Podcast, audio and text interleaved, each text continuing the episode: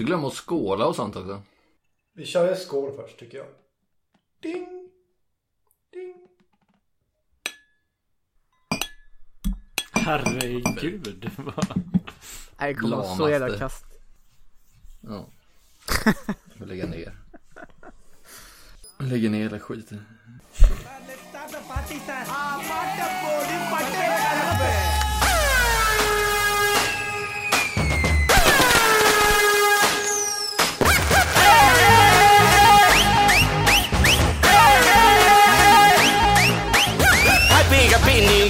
பிரச்சனை எல்லாம் ஓவரு ஓயாம வேலை செஞ்சா கிழிஞ்சிருந்தா தாயரு ஹாப்பி ஹாப்பி நியூ இயர் பிரச்சனை வேணாம் போயிரு யார் என்ன சொன்னா என்ன இஷ்டம் போல நீ இரு Hej och välkomna till Syndikatets nyårskrönika 2020.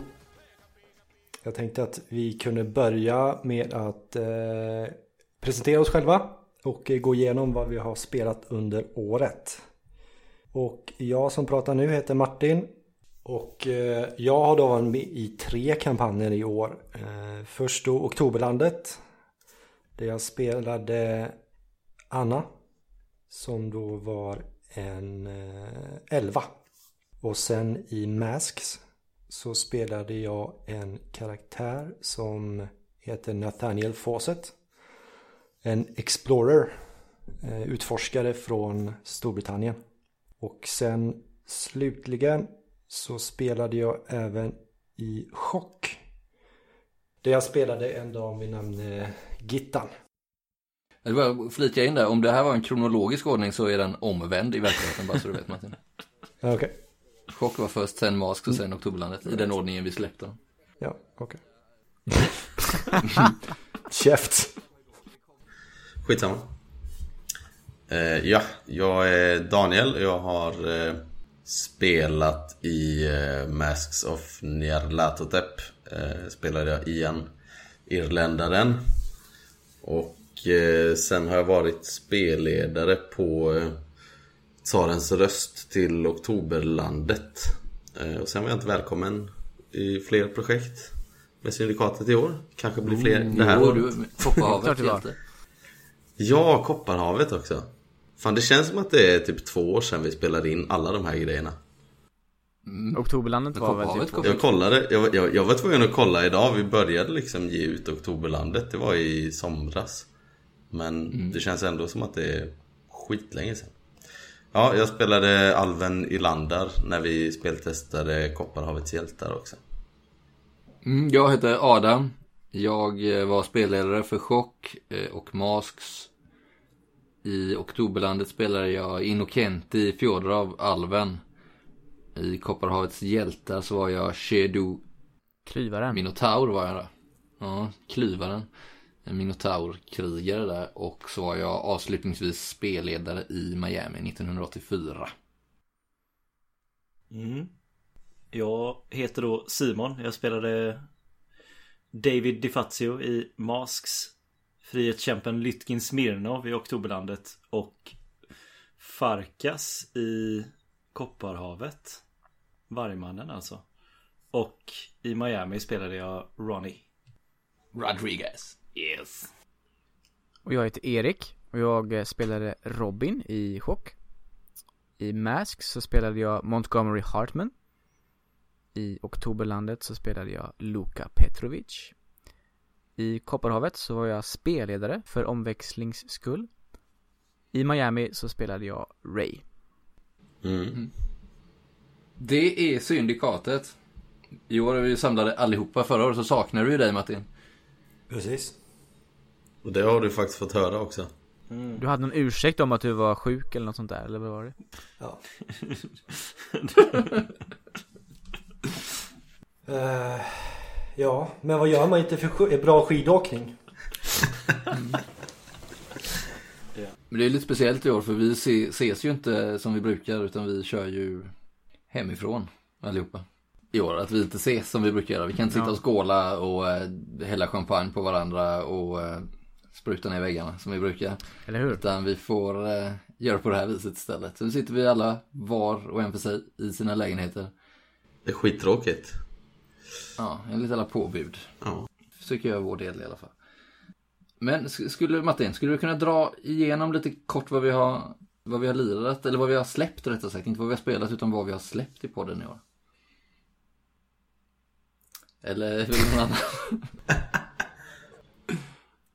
Daniel, Ja, vänta. Vi, vi har alltså släppt eh, först Chock. Eh, vad det hette? Skräcken på Viks herrgård. Ja, det just var det. något sånt. Och Diks herrgård va? Viks herrgård. Så här. Ja. lite oklart. Vi har eh, släppt eh, New York-delen av Masks of Nyarlathotep. Del 1 var det va egentligen? För det första var ju Ja, egentligen är det prologen. del ett. Ja, just det. Del, del 1 då. Vi har släppt prolog och del 1. Är det så? Mm. Ja, precis. Sen eh, har vi då kört igenom hela Tsarens röst till Oktoberlandet. Som eh, jag äntligen fick tummen ur och klippte färdigt och släppte. För det var ju också, det pratade vi om förra årskrönikan tror jag att det Då hade vi väl redan spelat in det, vill Ja, jag minnas. Ja, vi pratade ganska mycket om det. Ja, det var redan inspelat och färdigt men inte klippt liksom. Men det kom ut nu eh, andra halvan av 2020. Sen har vi spelat, eh, vi speltestade Kopparhavets hjältar precis innan det släpptes. Ett äventyr som vi fick veta typ i efterhand att det hette Den svarta ankan tror jag. ja. Jag, jag, jag tror inte äventyret hade ett namn när vi spelade det om jag minns rätt. Nej, det var inget eh, namn då. Nej. Sen eh, har eh, Adam, Erik och Simon haft ett litet sidoprojekt med Veritas, heter väl själva spelet just nu va? Eller? Vanitas. Vanitas. Det var tillräckligt nära tycker jag. Vanitas. Vanitas. Mm. Vanita. Med då eh, ett scenario som utspelar sig i Miami 1984. Mm. Då var det bara Martin av oss som var i livet faktiskt. Ja. Var, han du Det åka till Miami på. under 80-talet Martin? Nej, tyvärr. Men jag såg Miami Vice. Ja. När du var ett Ja, men då, tycker, då kan jag rekommendera den här podden för dig, för du har inte lyssnat på den, ska vi säga till lyssnarna. Så vi kan ju varmt rekommendera, om du gillade Miami Vice, så, så tror jag du skulle Jag gilla. älskade Miami Vice. Miami Vice har ju tagit en hel del inspiration från eh, Miami 1984 kan man ju säga. Ja. Mm. En hel del. Ja, det är ganska likt faktiskt. Ja, ja det är sjukt. Ja, vi kan väl säga också att vi har, vi har inte alla varit med i alla de här projekten. Utan Chock... Jo, jag har varit med i alla. Ja, du och Adam har väl också Adam, varit med i ja. alla va? Ja. Mm. Men Det kanske är vi två som bär det här, den här syndikatet. Ja. På våra Ja, så tunna kanske axlar. det. Och det är också ni som är mest ödmjuka i det. Ja. Nej, men vi vi kan väl göra så här att ödmjuka. ni får eh, ta över nu. Jag sitter här och dricker sprit istället så kan ni två prata. Mm. Du kan ju berätta vad du, vad du tycker om och så. I rollspel Sverige. Nej men det är ju så, Erik är ju våran superstar. Så Eller det är inte så konstigt att han är med i Ja. alla projekt. Nu vill vi ge honom så mycket airtime som möjligt. Men jag älskar ju att spela rollspel. Det är ju så kul va?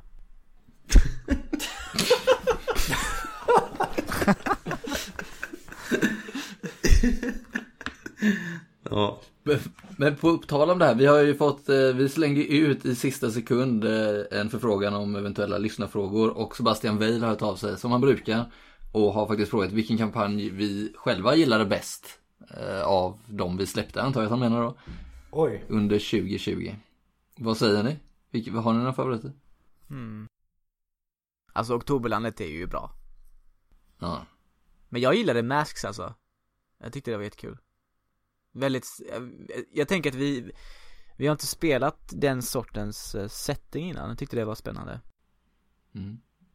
Mm. Men de är så annorlunda allihopa också. Masks är ju, är ju även fast det är Call- lite Cthulhu-styck på det så är det ju ändå based in reality på ett sätt som de andra inte är. Mm. Oktoberlandet är ju väldigt mycket fantasy vilket kan också vara, kan vara sjukt kul. Eh, och få spela ut liksom ej mänskliga karaktärer på det sättet även fast det ändå är baserat på på ett sätt på på de typerna ändå. då. Men eh, Viks herrgård var ju också sjukt kul för det var mer intimt liksom. Mm. Så alla har ju sina styrkor. Jag gillade Oktoberlandet väldigt mycket. Just för att det är en jävligt cool värld och jag tycker vi fick en ganska bra eller en väldigt bra feeling i gruppen. Eh, och det kommer ju visa sig ännu mer i nästa del. Men jag tycker vi satte en ganska bra grund i det som folk har hört hittills. Och det som komma skall är fan riktigt bra. Tycker du det är bättre rent av än Sörens röst? Ja. Eller alltså bättre, alltså det beror på hur man definierar men Jag tycker det är bättre för att Det blir djupare, alltså karaktärsrelationerna kommer till sin spets i nästa del tycker jag. Ja, Erik har ju bytt karaktär utan att spoila för mycket. Men Erik Mm. bytte ju karaktär på, och, på ett sätt som gjorde att det verkligen blev intimare Mm. mellan rollpersonerna. Men vi ska inte prata mer om det. Nej, Nej men jag tycker, och det är alltså Det är ett coolt jävla rollspel liksom. Oktoberlandet. Det är Straight up my alley. Jag tror kanske att det är straight up our alley framförallt. För att Oktoberlandet är ju ett sånt spel att det, det lämnar ju väldigt mycket åt eh, spelgruppen att bestämma. Det är inte så utstakat hur allting ser ut och ska vara utan man får liksom sätta upp det själv liksom. Och jag tror att det passade oss väldigt bra som spelgrupp. Mm. Mm.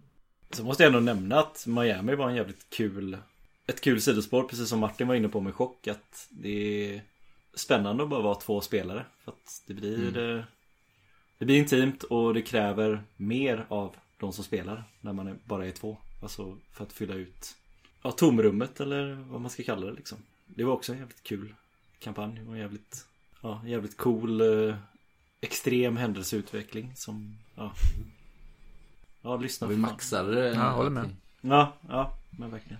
Men Oktoberlandet om man måste välja. Mm. Vad säger du Daniel? Alltså jag, det som jag är mest peppad på att fortsätta med det är väl Masks egentligen. För att hela New York-episoden var sjukt rolig att spela. Och man vill liksom se vart det leder någonstans nu. Det känns som att vi äntligen är på väg och liksom kunna ta över den här utredningen själva om man säger och kunna bestämma lite. Eh, Vi, vi hade liksom inte så mycket att säga till om i New York. Det var min uppfattning i alla fall. Så att eh, jag tycker det ska bli kul nu när vi, om det nu är som jag misstänker då, att vi ska ge oss ut i världen på olika ställen liksom. Ja, precis. Ehm, Så att vi, vi får lite mer frihet i det och kanske bestämmer lite mer hur vi vill lösa saker och ting. New York var lite... jag- Det kändes som att det var lite rälsat liksom. Eller vi- vi var tvungna att hitta vissa ledtrådar som nästan alla pekade mot samma slutsats liksom. Mm. Så jag tror att det kanske blir lite friare och öppnare i nästa del och det ska bli jävligt kul att se. Sen där har vi också sköna relationer mellan karaktärerna som, som ska bli jävligt roligt att se hur de utvecklar sig också. Jag håller med. Alltså, jag tycker ju att allt vi har släppt efter, eller släppt i hela året, så har jag nästan glömt bort Masks lite. Men jag ser också fram emot att köra vidare på det. Min, min favorit, jag skulle vilja slå ett lite slag för Kopparhavet också, för jag tyckte det var alltså genuint kul att vara tillbaks i den typen av spelsätt, eller vad man ska kalla det. Och det var kul att eh, Erik SLade det. För, för då blev det, liksom, det blev en ny upplevelse i det att Erik spelade. Jag fick spela, vilket jag sällan gör. Eh, nu för tiden känns det som. Och ja, jag har innan värjt, värjt mig lite för den här nostalgiska eh, återblickandet mot eh, barndomsvärldar, vad man ska säga. Men jag tyckte det var, det, det var jättekul att spela den. Det var ju lite som man, som man spelade Drakar Demoner när man var yngre liksom. Mm. Och det man kunde upptäcka nu var ju att ja, själva spelsättet är lite simplare. Men det finns andra värden man kan ta ur det istället. Typ. Det är så här lite fåniga namn på saker och ting. Det är lite halvfåniga varelser man stöter på. Men man hittar ändå någon typ av så här genklang hos sina rollpersoner som var ganska mysig. Tycker jag. Så det skulle jag gärna spela vidare på faktiskt. Ja, det kan väl Det tåls att sägas också att vi körde ju det en Ett spelmöte bara Ja, precis. Ehm, Så att vi hann ju inte riktigt med att utforska det så mycket Och det som jag sa innan så var det ju ett äventyr som var skrivet för att speltesta spelet egentligen Ehm, Så Erik fick ju fylla i de flesta av luckorna om man säger, eller till och med ge hela äventyret någon typ av bakgrund sådär. För det, som jag förstod så fanns det inte så mycket att ta av där utan det, det fick Erik fixa på egen hand och jag tycker det blev jävligt bra. Och det var ändå det var ändå jäkligt kul att spela igenom. Det hade nog blivit roligare om man hade kört två eller tre eller fyra spelmöten liksom. Mm. Så hade man hunnit, hunnit komma in i det lite bättre. En rolig sån eh, epiphany som jag fick var ju att du var ganska minimalistisk när du beskrev miljöer och personer och sådär Erik. Medan jag själv är ganska ordbajsande i, i den bemärkelsen och fick väl en känsla, eller jag insåg att trots att du var ganska knapp i dina beskrivningar så fick jag oerhört tydliga bilder i huvudet liksom. Och insåg att jag själv kanske borde nog skära ner en smula när jag återger saker in i minsta detalj. Medan du kanske, du berättade för mig att du kände att du var för ordfattig ibland, är du Ja, med? jag tycker väl att jag borde fyllt i lite mer beskrivningar sådär När jag lyssnar på det i efterhand liksom Mm. Men jag är ju inte särskilt van att vara spelledare Det är ju liksom, jag har ju ingen direkt erfarenhet av det Även om det inte var precis första gången så Så jag har ju inte erfarenhet som du och Daniel har liksom Hur kändes det då? Det var kul, det var det, absolut Var du en trygg grupp? Ja men Eller var jag, vi hårda mot det? Nej jag känner ju er, så det, det går jättebra Mm. det, var, det var roligt Däremot att klippa det var ju lite en utmaning, men det kan vi prata om sen kanske Ja, det, men på tal om det så blev ju eh, Oktoberlandet kanske den bästa produktionen. För det var väl, det är väl, när du har klippt eh, Neotech innan Daniel, men annars är det här din första större produktion. Vad var din erfarenhet av klippbordet liksom? Nej men det Alltså jag satte mig i början och eh, satte alla liksom vignetter och eh, paus, alltså så här intermission musik och outrot och alltihopa så att det var färdigt och sen kunde jag mer eller mindre bara använda samma mall om man säger och lägga in det vi pratar om. Så det, jag tycker inte att det var så krångligt till slut ändå när man har gjort det här förarbetet liksom. Du har skrubbat rent ljudet tagit bort allt som, eh, alltså efter en snabb genomlyssning ser du att okej här har vi 40 minuter som ska bara bort liksom. Och En grej jag tänkte på där du och jag skiljer oss lite åt i klippningen är att eh, du hade ju klippt, du klippte ju bort alla våra garv. Eller hur? Det är väldigt jag få... det. eh, Jag, jag sparade några tror jag där det Ja, nå ett fåtal. Men väldigt, det är ju väldigt många ställen som, som jag mindes liksom att här bröt vi ihop typ. och det har du klippt bort då. Medan jag eh, har en tendens att eh, nu för tiden brukar jag spara många av de grejerna. Och det blir lite, där bryter man ju den här, vad är det, tredje eller fjärde väggen eller vad det heter. Någon slags vägg Ja, någon slags vägg då, och förstår att det är spelare runt ett bord liksom. Och Det blir nästan så här burkskrattsfunktionen. De brukar jag ha kvar. Beroende på när det är. K- kanske att jag har klippt bort ett par garv såklart. När det är helt opassande. Om det är någon känslosam scen eller liknande. Eller om typ Martin kläcker någon eh, sjuk kommentar så. Ja, det var väl han jag tänkte på. Främst. no feeling. Men hur tänkte du där med det? Att du ville ha den eh, lite mer tyngre, seriösa tonen i Oktoberlandet liksom? Ja, jag ville nog det från början. Alltså behålla det som att man ska lyssna. Det, det blir lite mer radioteater än att man sitter som en, liksom, i det här fallet då en sjätte person vid bordet och som bara sitter där och håller käften och lyssnar på oss andra liksom. Jag tror att Oktoberlandet lämpar sig bättre för den typen av lyssning. Att den som lyssnar får liksom komma in i den här världen och kan försvinna borta lite och inte ska bli utslängd igen av att man liksom, att vi bryter den här illusionen när vi skrattar eller börjar prata om någonting annat eller så. Jag försökte ju det typ när vi körde den här Trudvagn-grejen så försökte jag ta bort nästan alla garv för då ville jag ju åt någon annan ty- typ av tyngre med ödesmättad stämning liksom. Men det beror väl på lite vad det är för typ av Men fick vi inte typ en fråga där, har ni verkligen kul när ni spelar? Eller är det jobbigt? Liksom? Jo det var nog någon som frågade Trudvagn, det. liksom.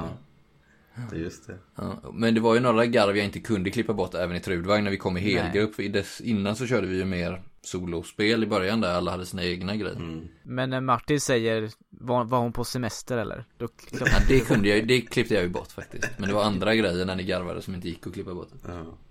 Men en sista grej med Oktoberlandet som jag vill bara säga, jag tycker det här eh, uppläsningen av, eh, heter den, MIR? Pro, projekt MIR Som görs av, Ja, av din det. fru, Daniel Det var ju väldigt effektfullt och det har vi ju fått eh, många positiva kommentarer om Ja, ja, för fan vad bra det Det blev. blev jättebra Ja, det blev sjukt Det är bra. så kul, jag har så många filer med henne där hon eh, försöker läsa in det här och det går åt helvete och så sitter hon och svär en stund och sen börjar hon om igen och läser in. Ja, det är sjukt bra. Men, eh, men Oktoberlandet var ju ändå, alltså det, det fanns ju ganska mycket humor inbyggt, eller vad säger? Det var ganska många roliga rollpersoner, alltså ni spelade ju ibland eh, så här riktiga puckon liksom. Och det var ganska många roliga SLP'er också, så det finns ju en humor i det ändå. Utan att vi behöver, eh, ja men det, som du sa det där burkskrattet, det, det behövs liksom inte. Jag tror att man har kul när man lyssnar på Oktoberlandet oavsett. Jo men det tror jag också. Och vänta bara, tänker jag. Det kommer bli Det roligare. blir värre. En sak som vi kanske inte har sagt då, det är att vi har liksom lite av en, eh, inte regel, men en tradition att den, den som eh, Den som spelleder är också den som klipper i de allra flesta fall för oss. Och oftast är det ju Adam och Daniel som spelledare. Så det är ni som har störst vana av att klippa helt enkelt. Mm. Och Adam, det är kanske du som har mest vana och fart på att klippa, ska vi väl säga. Ja, definitivt. Ja det får man väl säga om man går igenom vad vi har släppt hittills. Så jag menar Daniel har ju släppt Oktoberlandet och Neotech. Resten är det ju jag som har klippt. Mm. Men för mig med, med Kopparhavet så var det ju en eh, ögonöppnare hur mycket jobb Mm. det är bakom att klippa. Mm. Ja det förklarar ju kanske varför vi har ett antal, alltså vår backlog är ju ganska lång. Det vet ju du Martin. Det tar tid att jag. klippa. Ja. Framförallt jag vet om det. Så att det blir, vi har ju ganska många grejer som vi är färdiga med men det, det ska vi berätt, prata mer om i slutet. Men det tar ju tid att bli färdig och man har andra grejer i livet också. Som är kanske viktigare eller som man får betalt för. Så då kanske man gör det i alla fall lite om vartannat. Ja, och sen beror det ju på vad man vill lägga ambitionsnivån också. Vi har lagt ribban ganska högt redan från start. Om man liksom bortser från de här första inspelningarna där ljudkvaliteten var superdålig liksom. Så har vi alltid, alltså i postproduktionen så har vi alltid lagt ner mycket tid för att försöka få det så bra som möjligt. Så att vi hade ju kunnat tumma lite på det, släppa saker snabbare men sämre. Men det känns inte riktigt som att vi gör lyssnarna en tjänst då utan Fan, de får ge sig till tåls lite och så blir det ett bra resultat till slut. Det är också någonting vi har fått frågor om liksom. Någon som har till och med frågat om det är manusskrivet det vi har gjort. Men svaret är väl att det, det är inte manusskrivet men det ligger ju en del klippning bakom för att det ska bli tight liksom. Och därav tar det ju också längre tid liksom. Mm. Om man skulle släppa våra råfiler så skulle de ju absolut inte låta så här utan skulle vara Alltså jag tycker det är ganska bedrövligt att lyssna på om jag ska vara ärlig. Ja men det blir en helt annan upplevelse, tänker jag. Ja. Men en annan grej som jag tänkte på är ju att det, det känns väl lite som att de grejerna som vi kanske känner oss mest stolta över själva är Oktoberlandet och kanske Miami. Och det är väl de två vi har fått med mest så här, riktad eh, positiv feedback på under året. Men kollar man på antalet lyssningar så är det de två som har färst. Mm. Eh, Chock, eh, Masks och Kopparhavet har ju fler lyssningar om man kollar enskilda avsnitt. Liksom. Så det är en märklig motsättning som inte är helt förvånande kanske. Vad säger ni om det? Men det är väl vad som tilltalar den breda massan också kan jag tänka mig. Eller? Jo, det är uppenbarligen. Ja, jag, har, sv- jag har svårt att kommentera det faktiskt. Det, det är synd då om, eh, om det som vi själva är liksom mest nöjda med och det som överlag har fått, där vi har fått mest positiv kritik, eh, inte blir lyssnat på. Det är jättesynd. Men eh, vad fan ska man göra åt det liksom? Det, det är inte synd om oss, det, det är synd om de som inte har fått höra det. Är det inte alltid så i, i all slags skapande att det man är själv är mest stolt över kanske inte vad andra tycker? Det känns väl mer som regel än undantag att det som är bra är mindre populärt. Om man ska vara sån. Men det har väl med liksom varumärke att göra och liksom när, när chock var nytt var det många som var nyfikna på det. Cthulhu är ett jättestort varumärke. Och sen när Kopparhavet kommer och gör någon sån här relaunch eller vad man ska kalla det på. Mm. Jo men det var väl i, i samma sväng som Kickstarten eller? Var det inte? Ja, precis. Ja, så då, då Så det är väl ju klart att det skjuter i höjden. Men vi har inte fått på dem har vi, vi har fått glada tillrop också. Fast om man kollar i mejlkorgen så är det ju absolut Oktoberlandet och Miami som har flest eh, så här, specifika glada tillrop. Liksom. Mm. Jo men eh, vi har ju faktiskt en lyssnarfråga där som eh, behandlar ämnet pandemin och hur den har påverkat oss i, ja, i vår produktion av Sebastian.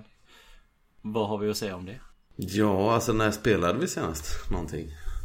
Det var ju när vi var i stugan i, och, när var det? Början på oktober. Ja. Oktober ja. Ja. Och idag är det den 22 januari. Så det är ju typ tre månader sedan. Ja, vi har ju, det har ju blivit färre speltillfällen. Och vi får bara lägga in en brasklapp om att det är givetvis inte det värsta som har hänt 2020. Att vi inte kan spela rollspel lika ofta. Men det var väl det fr- frågan handlar om. Hur det har påverkat just oss och vår podd. Och uppenbarligen så har vi träffats mer sällan. Och framförallt under hösten sedan de hårdare restriktionerna så har vi inte träffats alls typ. Nej. Nej. Det är så jävla synd. eh, Ja, det, det är tråkigt känner jag att den sista najaden, alltså del ett av den sista najaden, inte blev färdigspelad. Innan vi liksom eh, slutade träffas om man säger. För det, det hade varit skönt att vara klar med första delen liksom. Nu måste vi återkomma till det mitt i där vi var på något sätt. Jag vet inte hur snyggt vi löser det men det... Vi får väl göra ett försök liksom.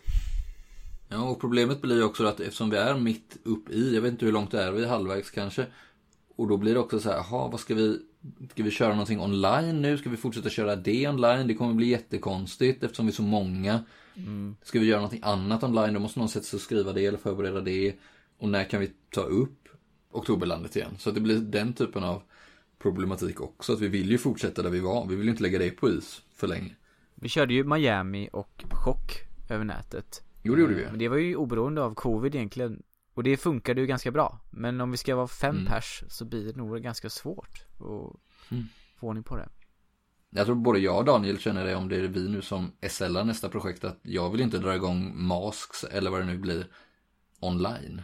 Utan det passar sig för de här små intima grupperna med två spelare. Då funkar det jättebra att köra över, över nätet. Men om är vi liksom fem pers så nej. Men svar på frågan då är väl egentligen att det har påverkat oss ganska mycket. Vi spelar ju inte så mycket just nu.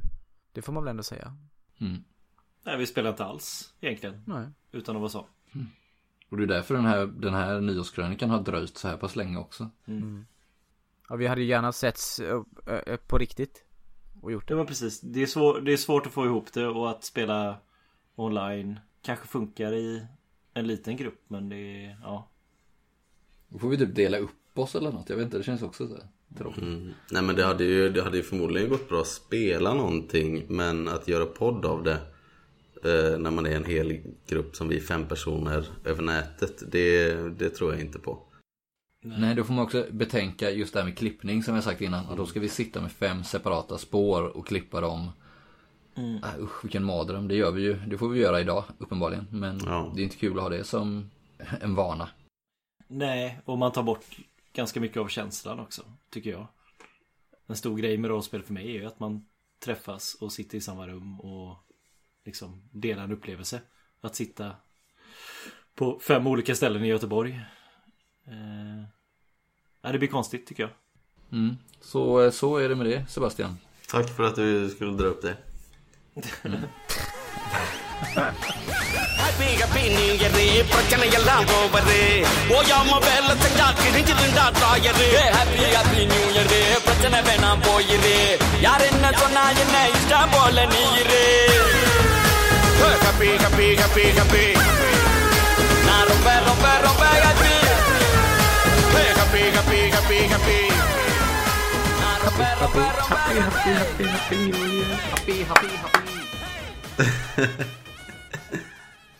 Ja, men eh, för att gå vidare lite snabbt här då. Vi minns allihopa hur eh, långt eh, förra årets nyårskrönika blev. Vi tänkte att vi skulle försöka hålla det lite kortare än två timmar och 48 minuter ikväll. Så att vi, eh, vi kastar oss direkt in i årets syndis Ooh. För de som inte vet vad syndis är då, vad är det Daniel? Ja, vad är det Erik? Det är alltså våra... det är alltså priserna som vi delar ut till oss själva för eh, saker som vi har gjort bra eller dåligt eller eh, rollpersoner, faktiskt- spelledarpersoner. Martin visar faktiskt upp sin samling här som står på hans hylla bakom. Tyvärr kan ni inte se den, men eh, präktig samling. Statyetter. Hur många har du då? Hur många har du Adam? Ja, är det, någon, är det någon som räknar eller internt? Jag har nog min färskt av oss allihopa. Färskt, ja. Det är andra Först, gången nu, idag du nu säger har du sagt det färskt. två gånger. Jag vet inte. Det heter kan vi, så. Nej, Jag känner att vi det. behöver Jag belysa det här. Är det ett ord verkligen? Det är faktiskt det. Det är helt okej att säga färskt. Jag skulle vilja se Men- statistik på hur många syndis vi har. Var och en. Ja, Jag har absolut eh, färskt. Då, kan du, då är du välkommen att lyssna igenom alla våra tidigare Eller kanske vi har en lyssnare som för bok över det här hemma Nej jag försökte hitta, vi har ju faktiskt en syndig. Vi har en syndig pokal. Och jag har den här hemma någonstans. Jag försökte hitta Ja, jag sa precis det, du har ju en hel jävla vägg full. Du är nog den som har fått flest. Nej det är jag inte. Fan det är helt sjukt? Ja, men vilken är första kategorin då Daniel? Första kategorin i årets, alltså 2020 års eh, Syndy Awards är årets win. Och det är alltså någonting Yeah. som vi, nå, någon av oss eller vi allihopa har gjort eh, som kändes jävligt bra helt enkelt. Vi har eh, tre nomineringar i år. Den första är Stughelgen där vi åker ut till Anders stuga. Eh, För de som inte känner Anders så är det alltså Eriks svärfar.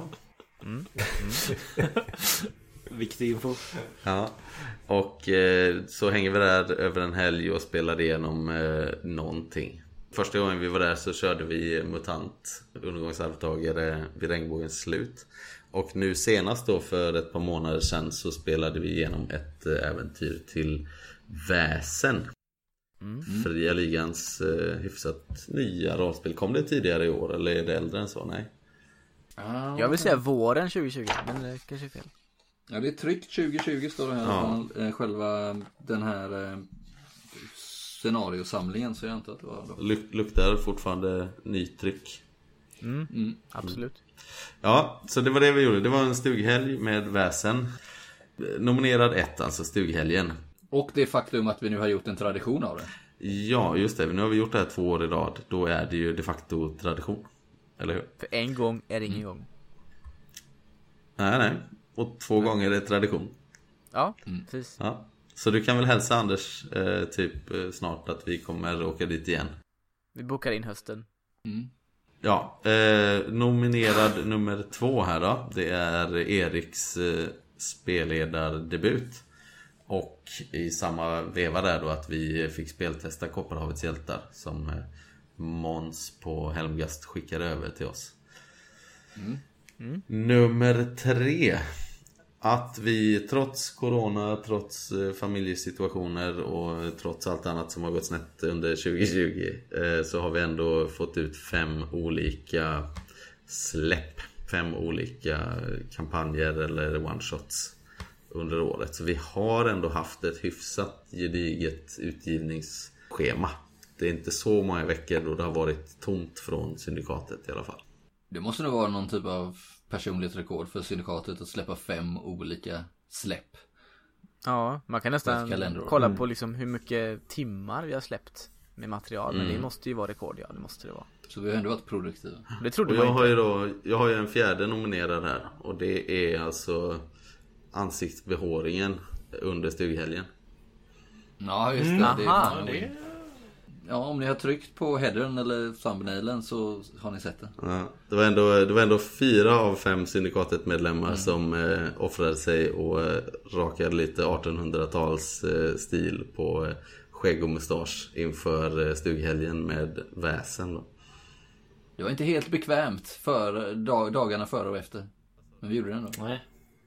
Ja, det var faktiskt väldigt märkligt att gå i en affär med eh, handlebars och eh, allt möjligt. Det var... Ja. Tur att man inte bor i Ulricehamn. Typ. Jag körde ju ändå en löneförhandling med den mustaschen liksom så att... eh, Och det, det gick ju bra. Och det blev succé. Det är lite roligt när man har odlat ut mustaschen liksom så är det ingen som vågar titta en i ögonen. Eh, Nej, den, nej. den, den känslan fick jag i alla fall. Kan vi enas om någon vinnare då? På de här kategorierna? Nej men jag, jag vill ju slå ett slag för eh, att du Erik SLade. För det är ett stort steg. Jag är ju fan den enda i den här gruppen nu som inte har spelet. Ja men vi har en lösning pressen? på det som vi ska prata om sen. Nej men jag känner pressen men jag, alltså, det, jag tycker det är ett beaktningsvärt steg att ta. För att det är inte helt självklart att spelleda. Särskilt inte för en sån här jävla grupp med kompetenta herrar. Mm, ja, Mm, tack. tack. kan jag säga. Jag tycker stughelgen var det, det bästa. Det är så att man längtar efter hela året. Mm. Att få åka ut och bara hänga en helg liksom. Och spela länge. Ja men jag håller nog med Erik där. Så jag tycker just det att det faktiskt har blivit nu då en tradition. Den vann ju förra året också, stughelgen. men eh, det Kanske inte hade så bra konkurrens det året. Men ja, det är verkligen som du säger. Vi, vi, och vi planerade, vi försökte få till det under våren. Det gick inte. Vi försökte få till det under sommaren. Det var nära men det gick inte. Ja. Och till slut så lyckades vi hitta en helg Det alla kunde. på oktober liksom. Och det är ju helt fantastiskt. Och det är lite så här festivalkänsla nästan när man kommer dit Ja. och man tänker så här, nu ska jag inte dricka för många bärs första kvällen. Så gör man det ändå. Och det är liksom så här. Och så sitter man och bara plöjer. Och sen så efter man har spelat rollspel så sitter vi och snackar skit som goda vänner. Nej men det är verkligen en av höjdpunkterna på året. Så att det är svårt att knäcka det. Även ju, alltså, de andra grejerna är bra. Och det är ju svinkul att Erik var SL och att vi lirade i Kopparhavets hjältar och sådär. Men stughelgen är ju så här. Som sagt, det är någonting jag på riktigt längtar efter. Redan nu. Hoppas att det kanske kan bli av till våren. Vem vet, kanske till sommaren. Tråkigt att behöva vänta ett helt år. Liksom. Mm. Ja, nej men jag, jag får nog säga stughelg. Nej men jag får vara gubben mot strömmen lite här faktiskt och säga Alltså alla är svinbra. Stughelg, jävligt kul.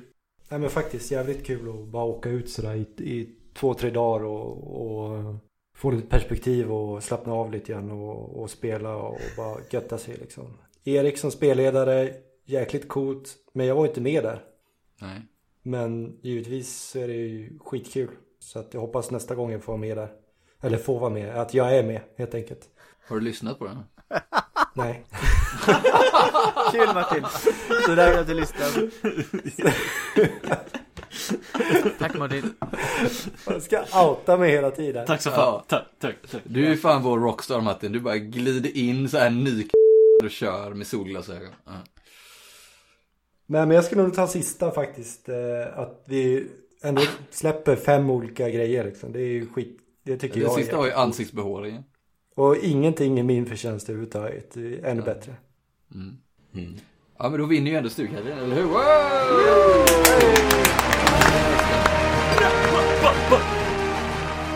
Och så vidare. Ja Erik, du får ta emot denna Cindy. eh, Ja. Återigen. Eh, jag vill tacka Anders Ja, med. återigen. Det, det är fantastiskt att ha den möjligheten att kunna åka ut liksom till landet där man är isolerad. I alla fall eh, hyfsat. Nu har vi ändå fiber och grejer men det, det känns ändå som att man är på landet. Eh, men, men jag absolut, det, det är fantastiskt. Och det, det, ja, jag hoppas att också att vi kommer få göra det. Inte bara en gång, kanske två gånger om året. Ja, jag hoppas det. Det kan ju inte vara omöjligt att få till det. Mm. Eller hur?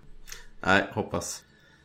Okej, årets win är avklarad. Snabbt vidare till årets fail. Du, Och då är det alltså tvärtom någonting som har gått åt helvete eller där någon har gjort bort sig eller eh, överlag där det har kört ihop sig på ett sätt som eh, gör att vi mår lite dåligt inombords. Vi har fyra nomineringar i år. Den första är teknikstrul och jag tror att det har att göra med Adam igen, teknikmästaren. Ja, det var jag igen. Vill, vill du berätta? Nej, jag vill inte berätta men Finns det en gemensam nämnare Det- här undrar man ju? Ja, jo.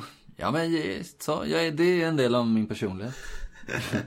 så liksom, så är det. Och det första, det var två olika grejer, men det första var väl när vi spelade in chock. Eh, Det var nog det första spelmötet. Då körde jag med zoomen som är batteridriven. Mikrofon alltså för er lyssnare. Mikrofonen, ja precis mikrofonen. Och sen så dog batteriet, säg 40 minuter in, vilket jag inte upptäckte förrän 20 minuter senare.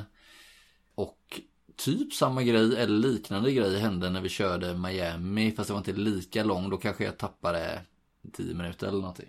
Vilket helt enkelt, jag vet inte om jag ska avslöja det, för det förstör kanske illusionen. Men jag fick ju spela in de här grejerna igen då. Eh, Alltså mina egna repliker i efterhand. Men, men var det inte så att du kunde höra vad vi sa? Eller vad du sa genom våra typ hörlurar eller sånt där? Exakt, eftersom dina hörlurar släppte ut lite ljud så kunde jag ibland höra vissa av sakerna jag sa. Om jag skruvade upp jättehögt på ditt ljudspår så kunde jag höra min egen röst. eh, Men vilket svagt, jobb ändå! Det är nästan lite, det blir nästan en win på, på något sätt. Ja, jag vet. Ja, men det... får jag ju säga att när, det väl, när jag väl hamnar i sådana situationer så löser jag det ändå.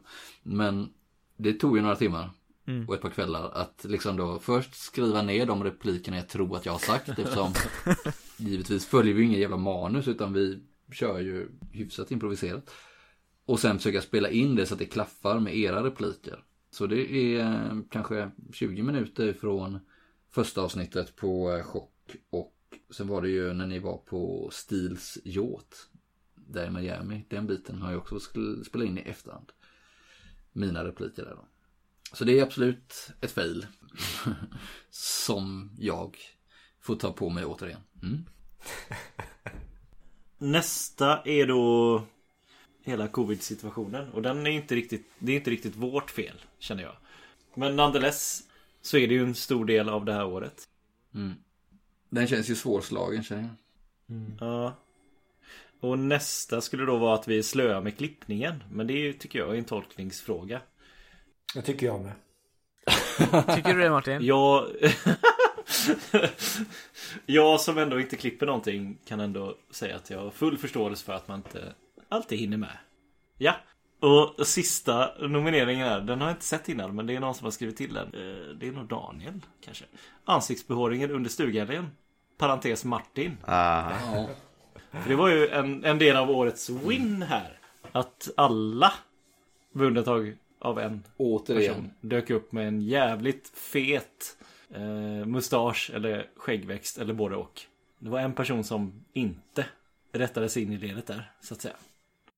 Ha, kan vi få en kommentar på det Martin? Eh, nej. Det, var det att du precis hade Tinder. börjat dejta och du inte vill? Kan du inte bara säga, kan du inte bara säga det? tror jag är svaret. Det var det egentligen inte. Ah, Det var väl bara att jag glömde bort det som vanligt. Nej, Nej det, nej, det var det inte Martin. Vi hade med oss rakhyvlar och apparater och du vägrade. Så det, 1800-tals det kan du fan inte skylla på. sa. Det, kan du inte bara erkänna att du, att du inte ville? Att du inte vågade? Okej, jag vill inte. Tack! Ja men den är fan eh, hot contender.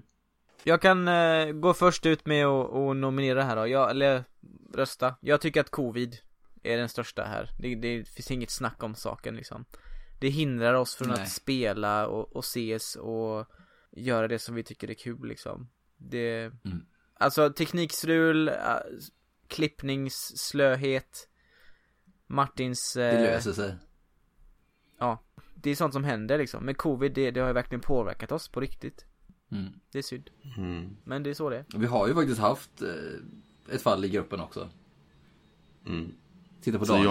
jag menar att jag skulle få årets fail syndin bara för att jag har varit, haft, eh, varit smittad med Nej, covid men det har ju påverkat, vi fick ju frågan förut hur det har påverkat oss och då nämnde vi inte det att Ja. faktiskt eh, har påverkat en av oss så pass. Nej men det är sant. Jag testade positivt i eh, mellandagarna för covid-19. Tyvärr, så jag var mål lite dåligt en vecka. Sen eh, gick det väl bra. Nu typ börjar jag få tillbaka lukt och smak liksom. En månad senare. Är vi överens om eh, covid eller? Alltså jag, annars jag är fan beredd att ta eh, en för att vi är slöa med klippningen. Jag är väl den som sitter på mest oklippt eh, material. Tyvärr. Ja, fast Martin har ju haft mest tid på sig, han har en grej så han är ju ändå återigen någon typ av syndabock. Syndibock Ja, ja, vi kör på det. Covid. Så. Fuck you covid, helt enkelt. Mm. Och det blir inga jävla Nej glada det blir inte fan. Stämningen i rummet dog fullständigt nu.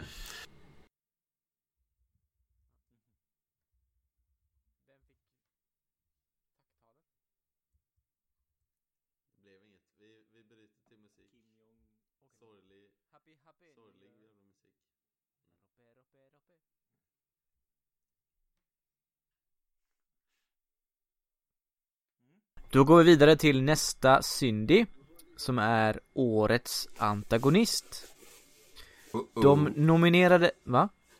Uh-oh. Vad sa du? Uh-oh. Vadå oh? Ja men det är istället lite läskigt så. Vem, nu kommer det något hemskt. Uh-oh.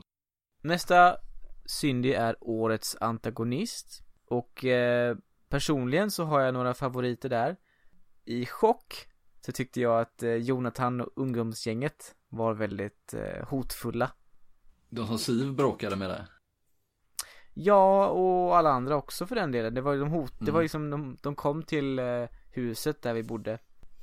Och hotade allihopa egentligen. Det Ja. var, ja det var, det var, det var coolt. I, sen i eh, Masks så tyckte jag väl att eh, Jojo House och Umdari var väldigt eh, otäckt. Mm. Det var en kamp där på något sätt. Inte, inte en, eh, inte som vanligt men eh, Det var väl Ian som eh, slog ihjäl honom till slut. Ja, jo det kanske slutade så nere i underjorden där. Mm. Men eh, alltså, jag tycker att han, Mdari var med så pass kort om man säger och lite i eh, periferin länge. Det var ju bara i den här avslutningsstriden som han, att vi fick träffa honom för första gången i en fight liksom. Om man säger. Innan så hade vi bara sett honom på håll eller fått något rykte eller sådär. Den här Captain Robson däremot som vi liksom skuggade och, eh, och fotade och skulle fälla honom för mutbrott. Och, Ni såg honom i tidningen och sådär också. Ja, precis i tidningen och ja, så att jag känner att han var mer fokus, alltså som en äkta antagonist än vad Umdari var. Han var ju mer någon typ av hejduk liksom som vi bara mötte och slogs med. Mm, jag håller med Daniel där. Det är någon sak, en sak vi har sagt i tidigare krönikor också. Just det här med att när en skurk eller en antagonist dyker upp först i sista spelmötet. Eh, som någon typ av, aha han är det. Då blir det så här. Det är inte, ger inte samma bitande fastnaglade känsla som en karaktär som man har stridit mot på olika sätt en längre tid. Liksom. Så ja, jag, jag håller med Daniel där tror jag. Mm. Nej men jag skulle säga Captain Robson för han var ju så här mutad snut liksom. eh, Det värsta som vi kunde råka ut för och han kände så här o... Antastlig, inte oantastlig, onåbar på något sätt. Vi kunde liksom inte... Det var så här svår karaktär att möta om man säger. För han hade ju en hel poliskår bakom sig. Och vi hade ingenting. Så det var ju... Vi ville ju inte... Det var också sådär, vi ville inte att han skulle få veta vad vi höll på med. Någon gång heller. För då skulle vi hamna på hans radar och liksom bli... Ja, säkert precis. hemsökta av New York, eh, New York Police Department. På ett eller Exakt. annat sätt. Och han nämndes ju redan i typ första spelmötet. Det var nog innan du var med ens Daniel. Eh, Lieutenant Martin Poole nämnde ju att Robson hade fått det här fallet eller någonting. Så att han var ju med från början. Även om han inte var i bild så att säga. Hade du fler favoriter Erik? Eller? Eh, jag skulle säga Rurik Soja i Oktoberlandet. På Jaren där. Han var också en liten sån där figur som Jag tror inte att min sp- spelkaraktär Luca träffade nog aldrig honom Nej. eh, Men han var ju ändå en Det sån har här du fan rätt i tror jag. Han träffade aldrig Rulik Saja. Nej, Nej. nej jag tror inte det, Det var ju Anna och Inokenti första gången och sen var Men det Inokenti och Lytkin så- andra gången. Så är det ju ändå Det är ju ändå the bad guy på något sätt En antagonist, ja Men det gillar jag att du ändå har honom även att din rollperson. För då har du ju bara lyssnat som en utomstående nästan på honom. Att min rollperson visste ju om honom, så kan man ju ändå säga Mm. Jo, ni hade ju många och långa diskussioner om Rurik Soja fram och tillbaka. Så att det, han tog ändå mycket plats i eh, samtalen om man säger. Det är lite samma som Captain Robson, att det är någon som är i periferin hela tiden Mm. Ja, de påminner om varandra på så vis. Soja hade ju ett visst djup också liksom. Eller han hade ju Verkligen. en, en, en tydlig motivation för varför han gjorde som han gjorde liksom. Det är därför jag tycker att han inte är, alltså han är en bra antagonist. Men han är inte typ, om man tänker, han är inte den värsta personen vi har mött. Eh, Nej. om man tänker på årets antagonist ur den synvinkeln. Han är inte den ondaste personen. Nej. Men det beror Nej, på det vad man lägger inte. in i den värderingen Att man ska det vara den ondaste personen Det be- behöver det inte vara Det behöver det verkligen inte vara. Nej, men det han, ja. Vi hade ju eh, Vättern också, nunnemördaren Fjodor i mm. Min namn. Oktoberlandet. Om han var en, eh, en eh, bättre antagonist. För han gjorde ju ändå en, eh, alltså det var en liten, eh, en liten twist. Att den här lille vätten i kyrkan sen skulle visa sig vara en agent. Eh, Ganska så här ovetande och lågt stående agent men ändå för snöbaroner. Baronen Jag tycker överlag i år, årets antagonist är jättesvår. Eftersom du inte har lyssnat så mycket. Nej men när vi spelade chock till exempel, Jonathan tyckte jag var kanske det äventyrets största, vad ska man säga, fara liksom. På något sätt. Han var jävligt oberäknelig och vi, vis- vi visste inte hur vi skulle kunna lösa det eller vad som skulle kunna hända. Eh, och där kom ju du in med Siv då som löste det jag fick lösa det själv. Annars hade vi nog inte, kanske inte kunnat göra det på ett bra sätt. Nej men det var ju lite en utmaning för att det, det var ju en eh, tanke med hela det scenariot antar jag. Att det påtagligaste hotet var egentligen inte det övernaturliga utan fulla kids typ. Så det blev någon typ Nej. av social, eh, diskbänksrealism som var lite, som vi, vi försökte ta vara på. Och det kom ju fram på ett väldigt bra sätt för när vi spelade också tycker jag. Att, Ja, alltså hela den scenen var fenomenal tyckte jag. Och jag tror alla som lyssnade som har liksom vuxit upp i Sverige någonstans ute på landet har ju varit med om exakt den här situationen liksom. ja. Precis. Det var, och somliga exakt kanske än Det var till och med någon som skrev det att det var liksom så här, Fan vad pulsen gick upp, här var det hjärtat i halsgropen. Just för att det är en så här igenkännlig situation och en, en spelledarperson som är lätt att känna igen också. Och man, man får tillbaks någon typ av rädsla sådär för att man vet inte vad fan håller den här människan på med? Vad, vad är det frågan om liksom Så jag, ja alltså om vi ska rösta eh, redan nu Vi har ju fler kanske, vi har inte pratat om Miami Någonting ännu Och så har vi ju den svarta ankan också i eh, Copa Ja just det jag, Var det han jag försökte dra ut genom fönstret eller? Ja det var det. Det var den. Ja för det var han, det var han som smet ner sen i Ja men vad fan vi blev ju kompisar med honom på slutet ju Ja, typ. Ja, typ. Men det roliga med det svarta ankan var ju också att du hade löst det snyggt i klippningen med hans röst där Erik. Då förhöjdes han ytterligare ett par snäpp liksom. Eh, tycker jag, så jag gillar det. Ja okej. Vad hade vi i Miami? Du hade ju ett par i Miami Simon, som du verkligen eh, stötte panna med. Ja, ja, jag hängde upp mig på en del folk i Miami. Eh, Men De La Rocha var ju liksom min Ja. nemesis. Sen eh, höll inte alla med om det. Vad säger du om slutet där, att det blev någon typ av... Ja, om de som inte har lyssnat färdigt på Miami så får ni väl hålla för öronen i 40 sekunder. Men det här med att han på något vis förenades eller försonades med eh, Ray. Ja, det var ju jävligt eh. Ja, men du hatade ju verkligen, när vi snackade emellan spelmötena, du hatade Ja, ja, verkligen men Derek det- de la Rocha. Ja, ja, nej men det... Nej, han är inte en bra människa. Synd att Ray gick på hans linje liksom. Det... Nej men, vi lämnar det Mm, okej. där tänker jag. Framtiden får visa Mm, vem som hade rätt. Men De La Rocha, absolut. Eh, Men sen håller jag även med om eh, Om eh, Soja på något sätt. Jävligt djup antagonist på något sätt. Och När man väl förstår hela, hela hans bakgrund.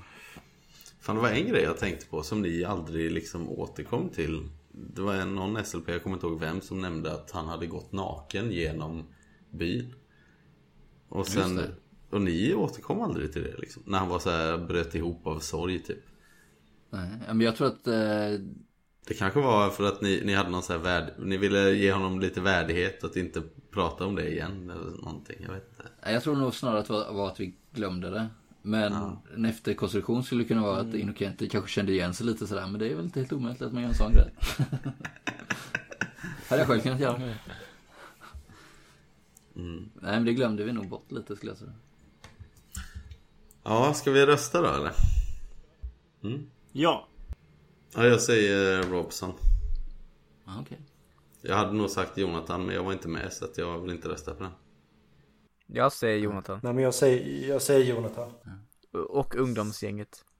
Oh, eh, eh, det står mellan två, det står mellan Soja och Jonathan. Eh, Ja, då vinner väl Jonathan oavsett tror jag va? Så Jag har inte sagt Du att- behöver inte rösta ja. nej, nej, men jag lägger min röst på Jonathan. Om jag säger soja då. Nej, men jag säger Jonathan för att han var... Ja Det var en otippad.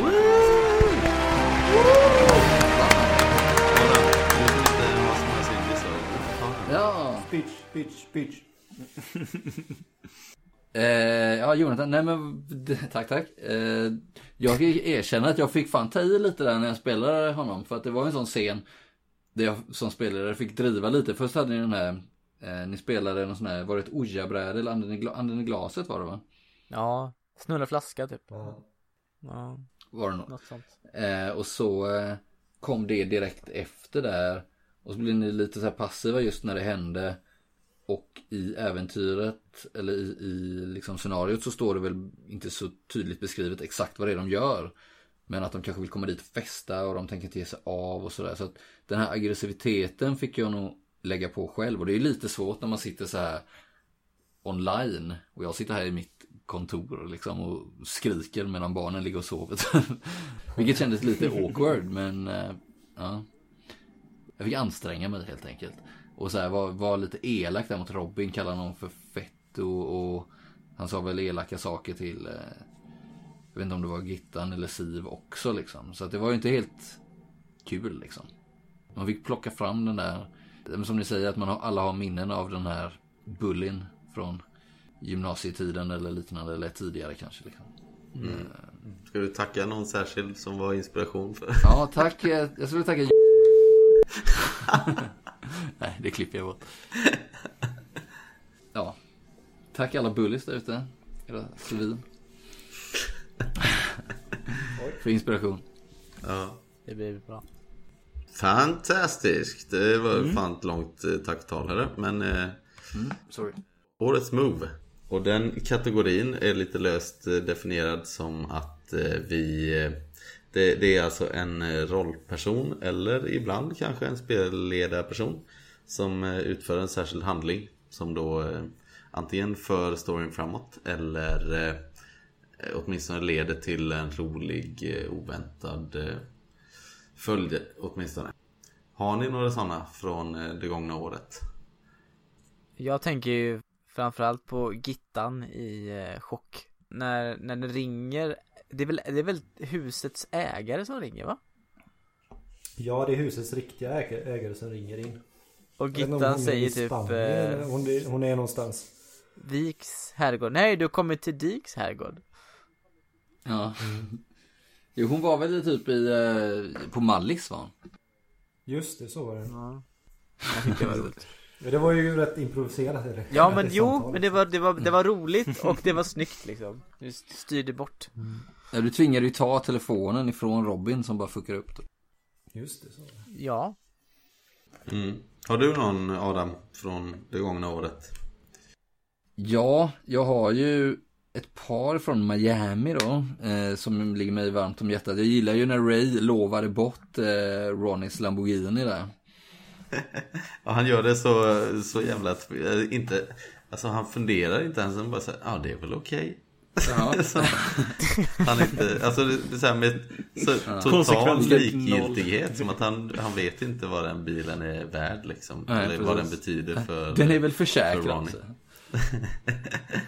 Det var det. Nej, men det är ju roligt på så många sätt för att det gav också roliga efterföljder att eh, ja, när Ronny får reda på det så blir det ju ett jävla liv och sen då att de måste åka tvärs över Florida i eh, Rays jävla Pinto liksom. Ja, och det var ju ändå slutscenen liksom. Eller inte Ja, slutscenen. klimax liksom. Sl- sl- Det är kul när klimax. avgassystemet ramlar av. Ja, Halvvägs till. Det är baserat på en eh, personlig erfarenhet kan jag säga. Och sen så gillade jag ju också Ronnys, eh, ja men det han försökte göra för Samantha där, den här överraskningsdejten som gick sisådär. Eh, det tyckte jag också var en fin move. Men det finns ju fler. Jag gillade ju också grejer som eh, i Oktoberlandet där när eh, i slutet, det var ju för sig jag själv som gjorde det så det känns ju lite konstigt. Men jag slängde mig av den här släden som Innocenti och drog till godset. Och för att det, det var inte själva moven i sig, men det blev en bra scen. Att vi splittrade gruppen och blev, att det blev så här parallellhandling i slutscenen, vilket blev jävligt effektivt liksom. Och att eh, sen eh, Lytkin valde att hänga på där också var rätt fett.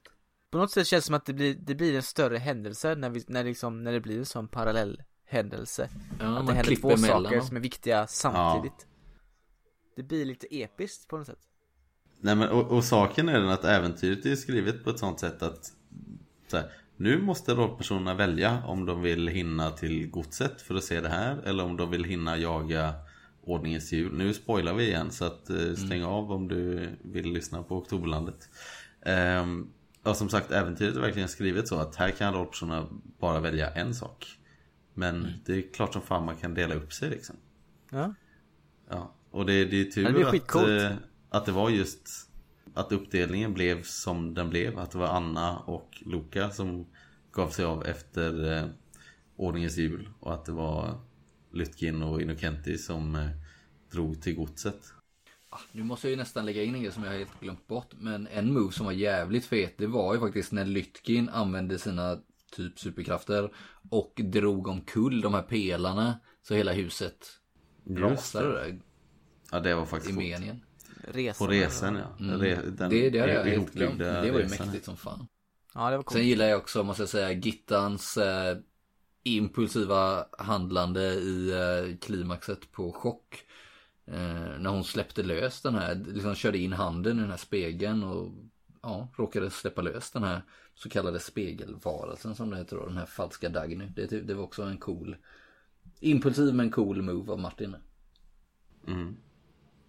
En sak som jag eh, alltså inte Jag fick ju inte vara med när det spelades Men jag fick ju lyssna på det sen. Det var när eh, Monty bröt sig in på Juju House eh, På natten. För jag fick ju bara Alltså Ian märkte ju bara själva efterspelet liksom Att Monty var helt förstörd sen Fan dagen vad besviken han var på eh, Monty där alltså.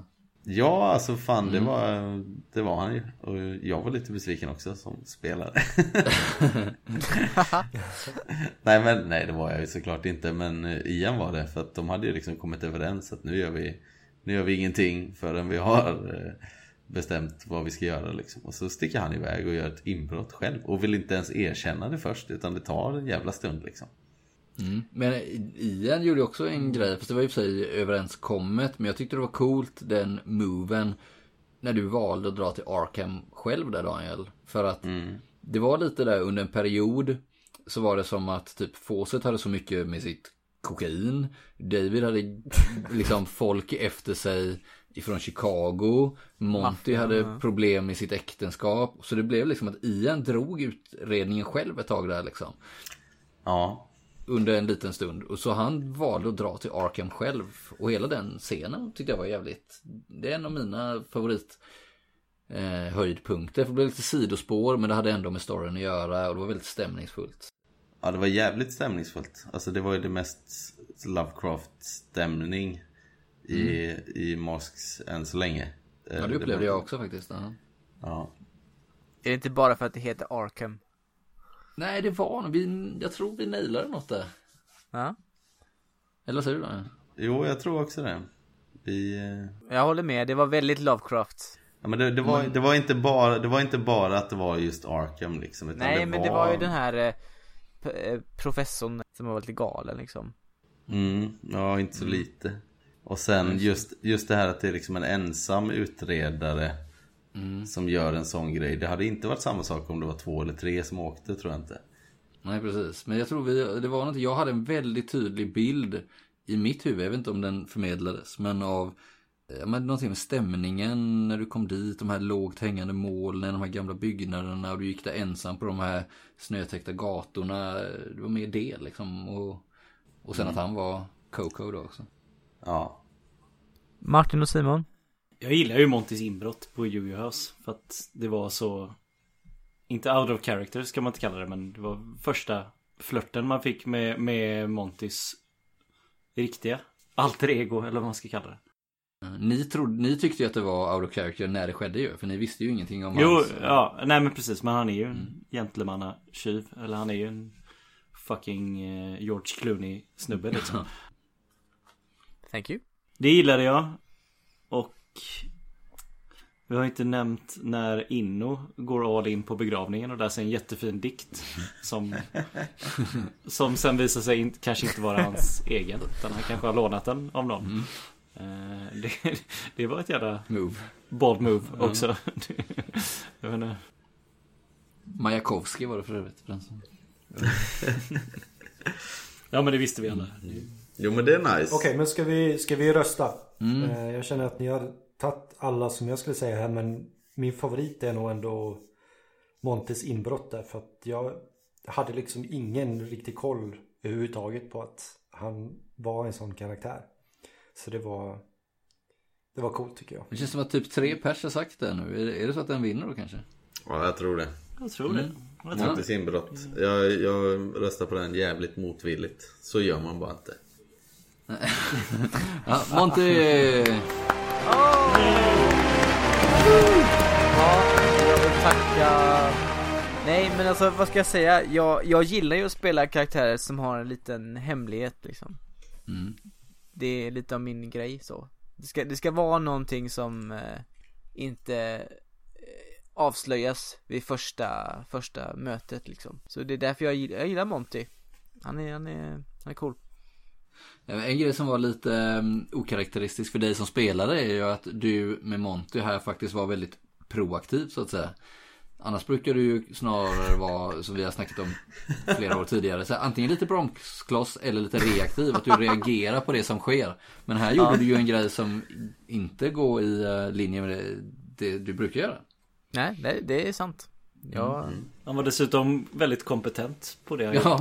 det brukar inte heller, det brukar ju inte heller vara en ett trademark för Erik. nu tycker jag ni drar lite långt här, jag förstår inte vad ni menar Det var väl ett par misslyckade slag där tyvärr, men det gick väl. Ja men det var nog otur mer Han var nog rätt kompetent egentligen Ja det han exakt, gjorde, han har liksom. ju bra värden. Men tyckte du det var läskigt då? Eller blev det spännande? Ja jag tyckte ju det, jag, jag, Mm. jag får ju, alltså så här, jag får ju på riktigt liksom, jag får ju ångest liksom När jag ska göra såna här saker Mm. Som Ja, det är bra. jag och Erik liksom Ja, nej men jag, jag tycker det, det är jobbigt Ja, men det tillför ju något, tror jag. mm. Ja, nej, ja, det var, nej men det var en stark scen, jag kommer ihåg det, det... Mm. Så jag vet inte om det tillför så mycket Nej men det kanske hörs, dina pulsslag gå igenom mikrofonen liksom. Ja, Vem är det ja. Jag vet inte. Are you ready? Now get on the dance floor. One shot, one type of party, eller not a Two shots, you don't know me now, yeah, yeah, the Three shots, boys dancing all around me. I got four shots, everybody gotta get it in. Come on, come on, girls. Nästa kategori är Årets bråk Är det någon som har några nomineringar? Simon? Ja, eh, absolut. En scen som var jävligt awkward var ju Monty versus sin exfru där Ja. i Masks. Ja. Där eh, Ian kanske sig i lite också. En del. Ifrågasatte vissa saker. Ur ett rent dramatiskt perspektiv så var det en väldigt jobbig Ja det var när hon dök upp i lägenheten där Ja precis. Ja, precis. Och klänningen och hon var väl på väg in, hon var i din garderob när du kom hem typ.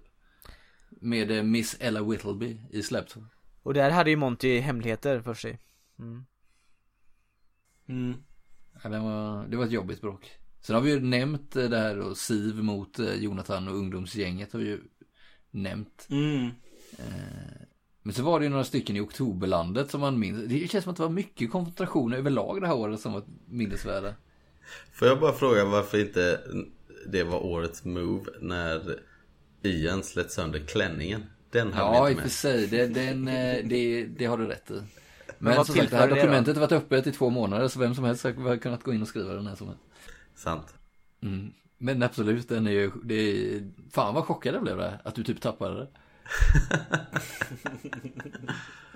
Nu är Martin tillbaka eller? Jag är tillbaks. Martin, har du några favoritbråk då? Nu har jag redan nämnt den Siv vs ungdomsgänget hörde jag. Ja, Den är ju för mig ganska självklar.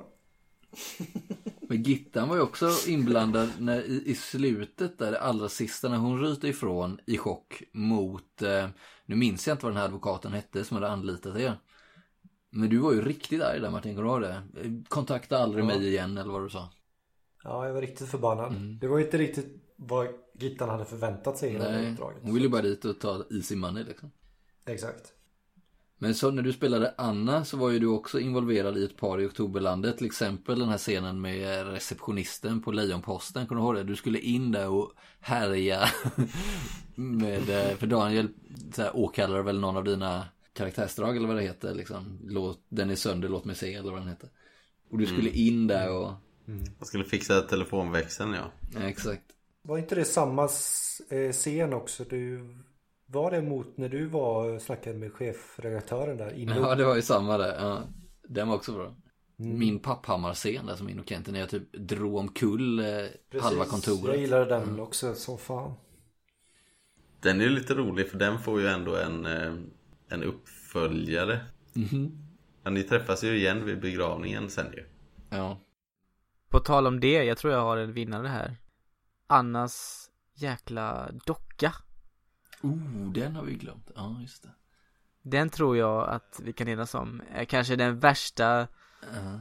eh, orsaken till bråk överlag Men du vet, precis innan vi skulle åka till eh, tornet där han eh, bodde, vad hette han då igen? Nestor hette han. Fan. Nestor ja, precis. Faunen. Så, så vi skulle med släden och Anna så här låtsades att hon hade lämnat dockan hemma. Men så hade hon inte det. Och, så, och till slut fick hon hela gruppen emot sig. Jag kände så här bara, det kan inte bara vara jag som inte vill ha med den här jävla dockan. Det här är creepy as fuck. Kände jag på riktigt typ.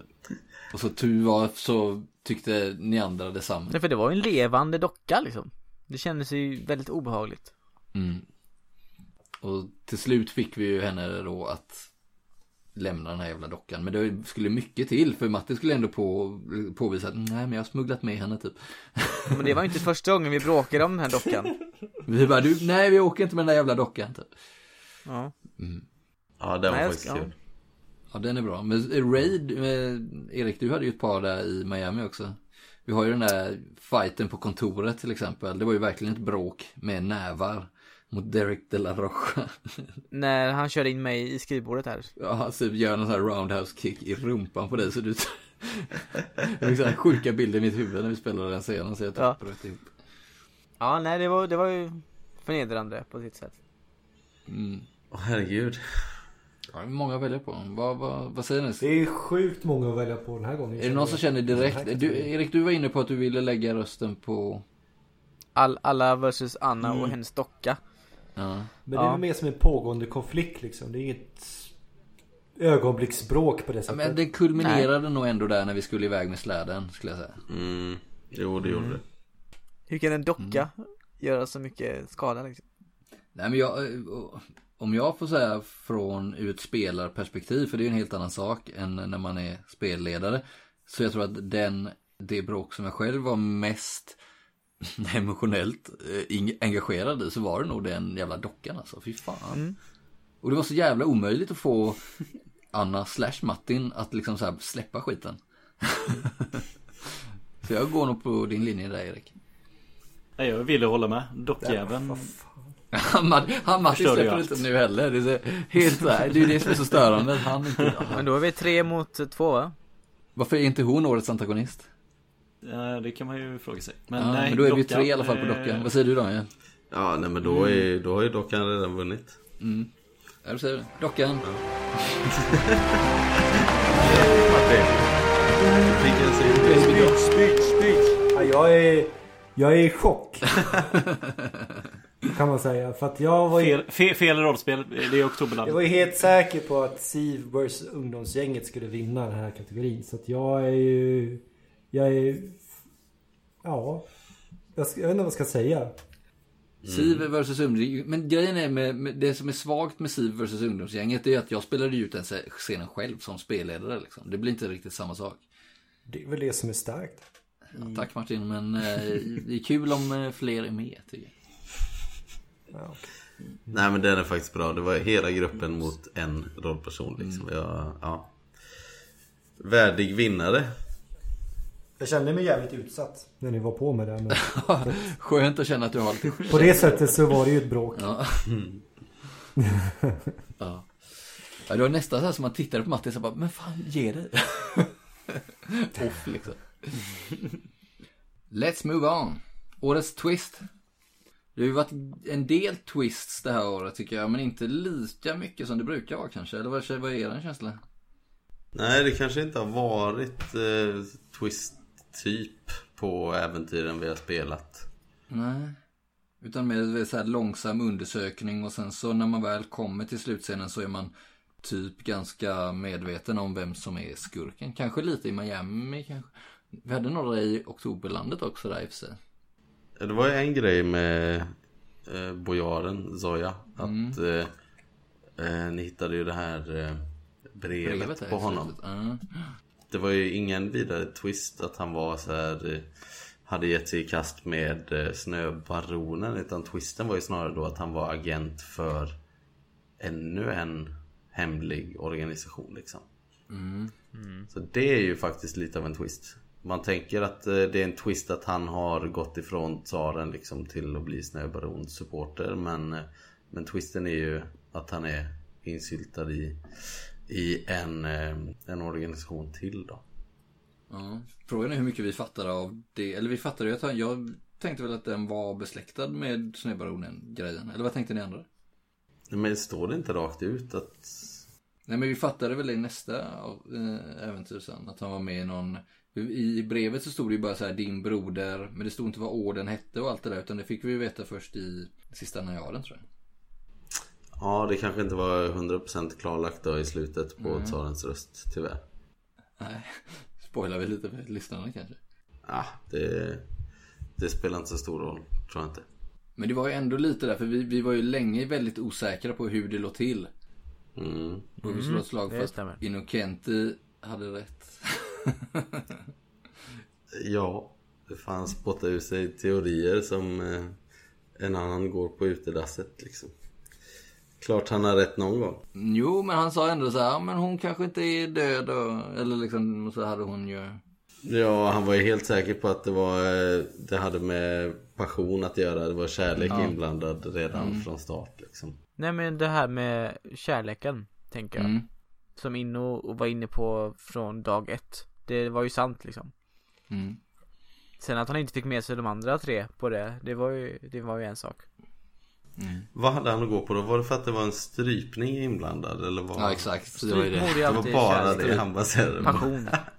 Och det baserade ju, jag i min tur på typ mm, så här, modern kriminologi, eller vad man säger. Att strypmord ofta har med intima relationer att göra eller liknande. Och han, men han, han, han läste ju någon eh, kriminolog där, Punansky, Polanski, som hade ja. skrivit om detta. Mm. Fan om inte han ska få träffa Polanski någon gång alltså. Ja, det hade varit så jävla mäktigt alltså. Jag undrar hur Innocenti skulle reagera. Det hade, ju- det hade förmodligen slutat med någon typ av pinsamhet. Men Ja, ja, det blir katastrof givetvis. Men... Det gillar vi. Och det här som du nämnde innan då att Fjodor var agent. Det var många dubbelagenter där och även de på värdshuset där ju. Ja, jag försökte ju ge lite sådana ledtrådar. Jag vet inte om ni minns det. Men så här att alla som var hyfsat nyinflyttade var ju baro, eh, Snöbaronens agenter. Mm. Jag vet inte om vi kopplade just det där att de var nyinflyttade. Men det var ändå lite twist där när vi var i Det var ju för övrigt en jävligt stark scen när vi var i eh, Det godset där, vad hette de? Bröderna eller vad det var? Eh, Lintovs gård Ja just det, Lintovs gård. Eh, och då vi, när vi eh, förhörde den här vätten, Fjodor. Och han eh, hängde i och för sig ut halva byn men vi förstod att det var en riktig sån eh, konspiration. Det var ändå en twist skulle jag säga som är värd att nämna i sammanhanget. Ja, håller med. Ja, kanske. Ja, att Marsha, att, innan vi liksom lämnar Oktoberlandet då, att Marsha fortfarande var, eller fortfarande, men att hon hade blivit återuppstånden. Var det en twist eller var det lite Nej, väntat kanske? Det var väntat för att det var, och det var ju också Innocenti inne på, eller jag som spelare var mer inne på det än Innocenti, men det var ganska obvious just det här med att vi fick reda på att de hade grävt upp gravar. Mm.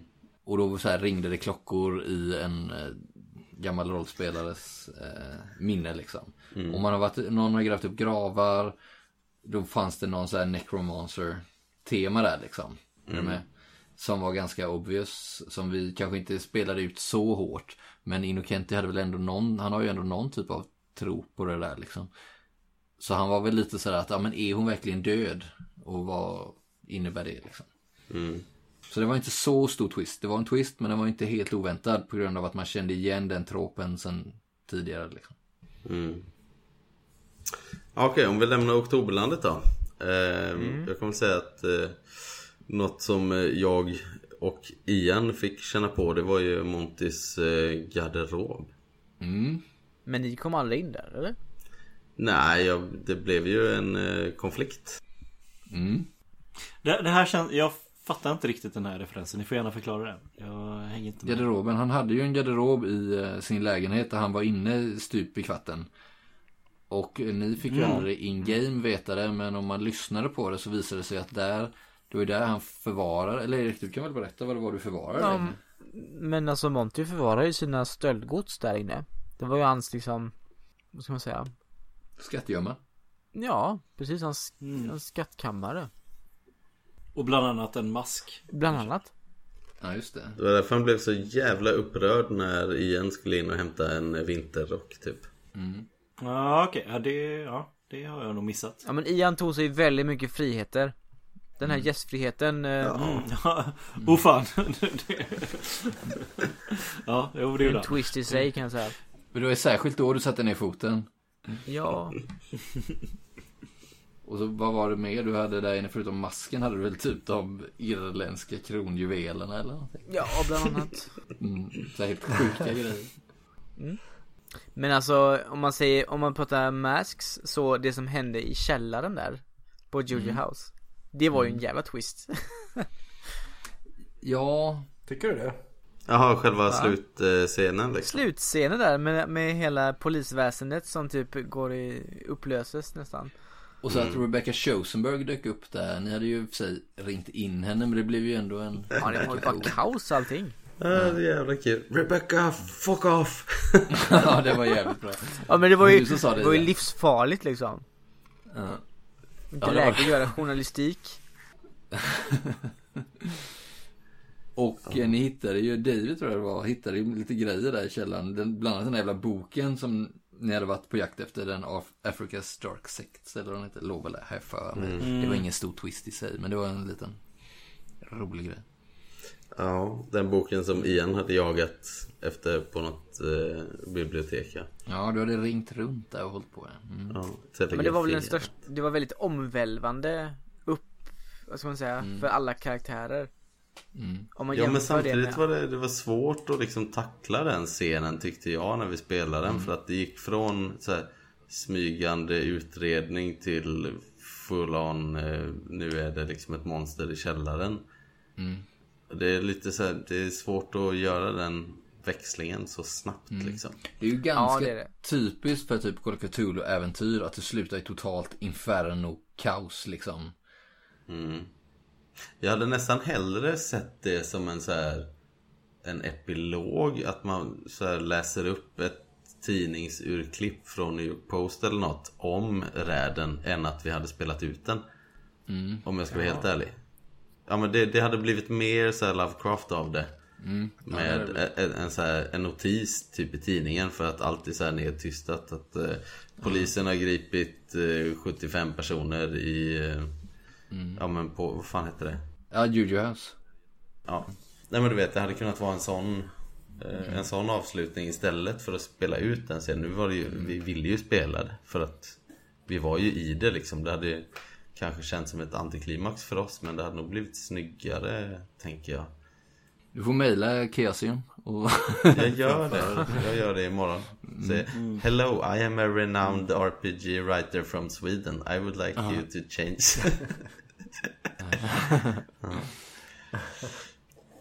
Men så hade vi den här grejen i Miami där Ray hade rätt från början. mm, Ja, den är ändå eh, sjuk delfinen. på något sätt. Ja. ja. Mm. Just för att det är så jävla far out att det skulle ha med ett jävla En delfinkidnappning hade med liksom ett Liksom ett stort gangstermord att göra. Det Det, ja, jag tror inte Nej, det. du trodde inte det men... All Och att. Ray är Ray med hans vanföreställningar. Ja. Alla liksom hallucinationer som han har. Ja men även, även utanför trodde jag inte det. Även om det är så här, ja visst. Man fattar väl att spelaren binder ihop saker och ting. Men i det här fallet så bara, fast det är så jävla orimligt att Att de här, det här mordet skulle, skulle ha med en jävla delfin att göra på en jävla djurpark.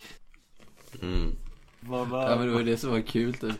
Men eh, det, och så tänkte jag typ när jag tänkte, plotten var ju färdig från början givetvis men att ni skulle ha varsin introscen i början. Och så tänkte jag att jag skulle verkligen försöka få Erik att känna att nu är du på ett skitjobb. Det här har ingenting med din rollperson att göra egentligen. Så här. Men Det han, var ju det. eh, Du, ja men du känner väl mig lite för väl kanske. Fast jag, jag kände ju ändå att det var ett skitjobb, det sa jag ju. Ja. Uttryckligen. Mm. Och så tänkte jag, men nu skiter vi i det. Nu börjar äventyret. Och sen så var hela tiden tanken att det hade med ditt första jobb att göra då. Liksom. Men upplevde du, du det som en twist när ni väl hittade hans jacka i hans lägenhet? Att han jobbade på Sequarium och det? Ja, men det gjorde jag. Kowalski. Jo ja. men det gjorde jag. Mm. Jag, tyckte, jag tyckte nog att det var lite för, eh, alltså så här. Det var lite för obvious annars. Ja. Men det var ju så. Fast ja, nej, jag, jag, jag håller inte med. Nej, men för du Att var ju utifrån, eh, du hade väl kanske inte ens hört hans introscen, jag vet inte. Nej precis, det är, väl det, det, är väl det som är skillnaden. Det hörde jag ju efter vi hade spelat allting. Jag lyssnade ju inte på någonting som Erik eller Ray du hörde honom bara gick igenom. prata om det in-game så att säga. Att Ja, han- och då lät det ju helt jävla orimligt att en jävla delfin som försvunnit från Seaquarium skulle ha någonting att göra med ett jävla mord liksom. Av en... Ja, nej. Men det, det, det som blev snyggt med det var ju också att ju närmare och närmare vi kom desto mer fattade ju Ronny att Ray var en bra polis och inte en dålig polis. Sen om det faktiskt var så eller om det bara var flax. Men alltså den dynamiken var otippad. Jag vill bara ge någon sån här honorary, vad heter det? Hedersvärt benämnande till eh, Kopparhavets hjältar. När Safir, den här jävla hunden, flyter i land på en tunna. Kommer ni ihåg det? Det är ju ingen twist, Nästan, men det va? var så här, bara, det var sjukt Hon oväntat. kom inte att- riktigt i land. Nej, den gjorde ju aldrig det. Men den flöt Nej. på en tunna och hade gjort det. Det hade tagit oss typ en dag. att ta oss i land ifrån det här sjunkande skeppet. Men den här hunden, den här mopsen eller vad det fan det var. Var- Ja. Ja. Hade liksom lyckats balansera sig hela vägen in till ön på en tunna.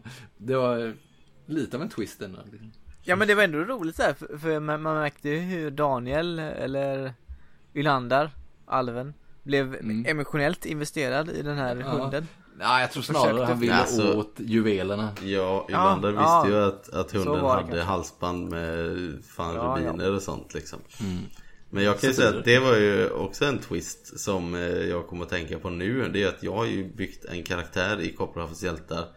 Eh, Den här alven Ylander då som är någon typ av bedragare, tjuv, ja men ni vet. Och så hans, liksom hans eh, USP, hans fan main selling point det är att han åker aldrig fast liksom. Han kommer alltid undan. Och det första som händer det är att han blir fängslad. Det var fan årets twist för mig. det var elakt. Men jag tyckte att det sken igenom ganska bra på sättet du spelade honom Daniel. Alltså just, alltså jag fick den som, inte som rollperson utan som spelare, fick jag den, eh, det intrycket av honom. Att han alltid kom undan. Mm. För han hade den ut, han hade den auran liksom. Ja men det var ju det var precis så jag spelade eller som jag tänkte Ja man var liksom. överlägsen på ett annat plan liksom. Ja, ja men det är inte lätt att gestalta det med så små medel som jag tyckte att du gjorde lyckosamt. Liksom. Men det var ändå, ändå det första som hände var att han blev kastad i arresten liksom. Ja, fan, Jag var lite, jag, då kände jag mig lite bitter faktiskt. ja, men lite så Jack Sparrow fast, ja, jag vet att du inte gillar den referensen kanske, men Jo men det är nog inte helt olikt alltså. Lite Jack Sparrow fast, fast in, inte så här eh, rockstjärna utan eh, en alv istället. Mm. Men han vandrar alltid ut där med ryggen fri på något vis. Nej men jag tycker också eh, Kopparhavets hjältar den här twisten att eh, Att den här svarta ankan till slut Alltså den som vi hade förföljt genom hela det här jävla komplexet Till slut blev våran eh, eh, Allierade liksom för att ta, ta oss därifrån Ja, fast den jäveln kan ju hugga oss i ryggen när som helst känner jag. Eller? Jo men det var ändå en liten känns som en twist jävligt att vi, så här- att Ja, vi vände jo, det- på det till att vi liksom vi åker därifrån ihop istället för att döda Karasker. Bläckdun. Ja, jag kanske inte ska kalla det för en twist. Han ville ju bara undkomma de här, eh, den här eh, eh, Flottan. piratjägarflottan. Mm. Nu går jag på ett annat bråk på tal om det. Den här jävla dvärgen där nere. Han är sjukt skön. Du försökte redan Ja, jag vet. Men, eh, Det- Den jävla dvärgen. Ja men det var lite av en twist också kan man säga. Det där var det en jävla dvärg som påstod att det fanns en jävla drakägg eller vad det var. Ja just det. Och då blev man ju, inte som rollperson återigen, men som ju, liksom den här skattletaren i en som spelare är ju så här, okej det finns ett fucking drake här, vi måste ha det. Kan vi få det? Och någon lyfte upp honom och skulle skaka honom. Men jag vet inte, vi, vi fick aldrig tag i det där jävla Jag tror drakägget. Daniel var me- mest eh, på liksom att försöka få den Men så höll på, så höll på grottorna höll på att ramla ihop liksom Ja, De exakt. sköt sönder Det här är årets, årets bråk Adam Ylanders eh, interna monolog där Om huruvida han skulle ge sig tillbaks in efter Ja, skatten det var eller starkt. Ja. Fy fan, girighet och överlevnad ställs mot varandra. Ja. Men vi har inte tagit upp det här tycker jag som jag blev jävligt chockad som spelare. Det är att när vi spelar chock och Miranda dör. Ja. Och det var så här. äh, Jag hade inte alls förväntat mig det att, det, att någonting sånt skulle hända i det spelet. Även fast det är liksom ett, Ja men skräcken, ett sånt mysterie slags rollspel liksom. ja. Men vi hade tagit ner det på diskbänksrealism typ.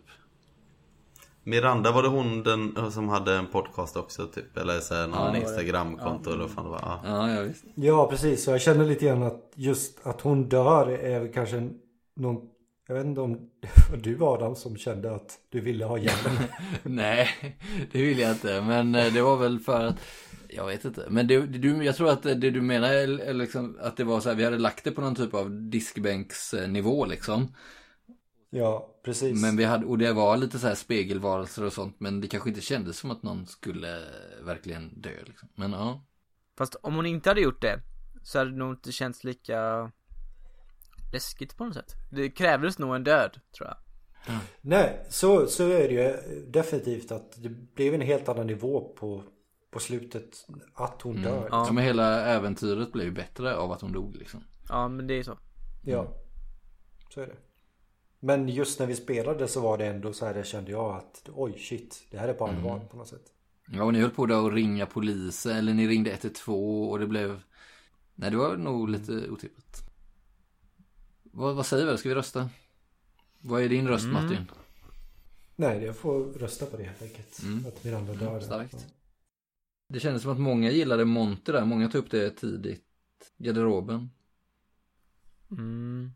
Det är lite synd för vi, vi fick väl aldrig utforska den riktigt i Nej, ni fick ju lyssningen, inte eller? det. Nej, så det blev, det blev mer så här att som lyssnare.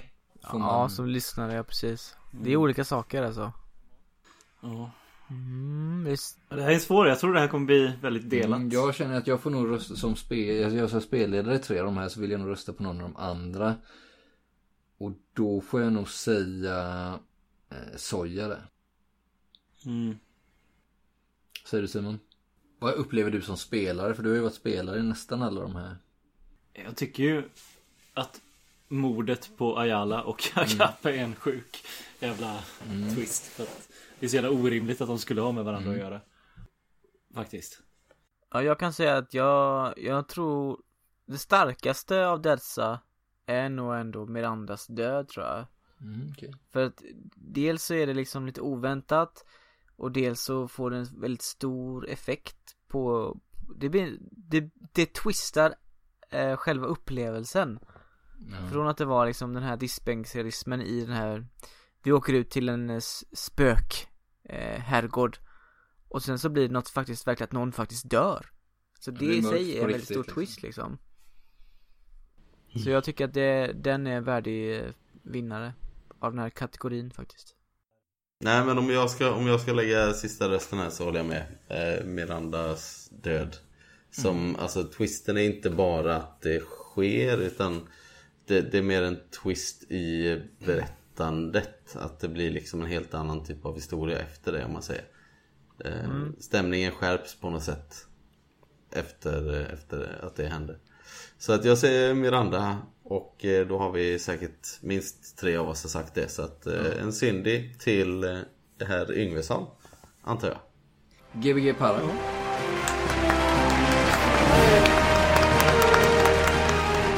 Tack Daniel, tackar Ja, tack, dina ja, följare Ja, tack alla mina följare på Gbg Para. Eh, jag ska bara skjuta in att både Miranda och Siv var ju inte med i äventyret utan de hittade vi ju på själva. Eller jag. och hela den grejen med att hon dog. Så det, så det var ju kul att ni gillade det, grabbar. Tack. Vi röstade rätt hörni allihopa, vad kul för oss. Ja, jag fick inte vara med där så att, det... Okej, men nu kommer en tung... Men det var bra, det var bra spelat grabbar. Ja, nästa synd är årets citat. Det finns en hel jävla del att välja på. Jag, jag, tänker inte, jag tänker inte börja gå igenom alla utan jag säger direkt min favorit och så kan väl ni göra detsamma. Eh, och då, då tycker jag att det är när Innocenti på ett eh, fint sätt ska meddela att eh, Leo Banial är död och han säger Lågan är släkt. Mormor! Tyst nu Innocenti. Nej alltså vi vet Vad inte. säger alven mormor? Lågan är släkt. Ja det är så klockrent för den här karaktären Som ska vara lite så här finkänslig Trots att han är totalt jävla burdus Och inte har någon känsla för någonting Egentligen. Men han kan inte bara säga rakt ut att hon är död Utan han måste säga lågan är släkt Jag tycker det är klockrent Och han kämpade inombords där liksom med att så här, hur kan jag säga det här på ett litterärt vis? Ja, jag vet inte. Det var en jävligt rolig scen överhuvudtaget. Ja. Vi, vi kan väl bara skjuta in att det här är ju en kategori som Martin Sellgren har prenumererat på de tidigare tre åren typ. Ja men han Ja brukar jag kan ju, säga att han, har ju har, släppt, han har enormt många nomineringar Även i år I år har ju Martin sagt till exempel i Masks Som uh, Nathaniel Fawcett Jag känner mig inte helt bekväm med att ha så här mycket kokain på mig Jag tycker vi faktiskt kanske ska eh, ta och gömma undan de här grejerna vi har med oss. Känner mig inte helt bekväm att ha på mig så här mycket kokain. Men ni satt på jävla diner där, det var sjukt kul. Det är väl ändå en ganska naturlig grej att säga när man har så mycket kokain som vi hade på Ja, men det roliga var också att du hade varit ganska frånvarande i diskussionen i övrigt och sen så kom det lite så out of nowhere. Vilket gjorde det hela så jävla mycket roligare. En annan grej som, det var ju egentligen inte Fawcett som sa, men det var ju typ Martins inre monolog. Jo, jag, jag bad dig beskriva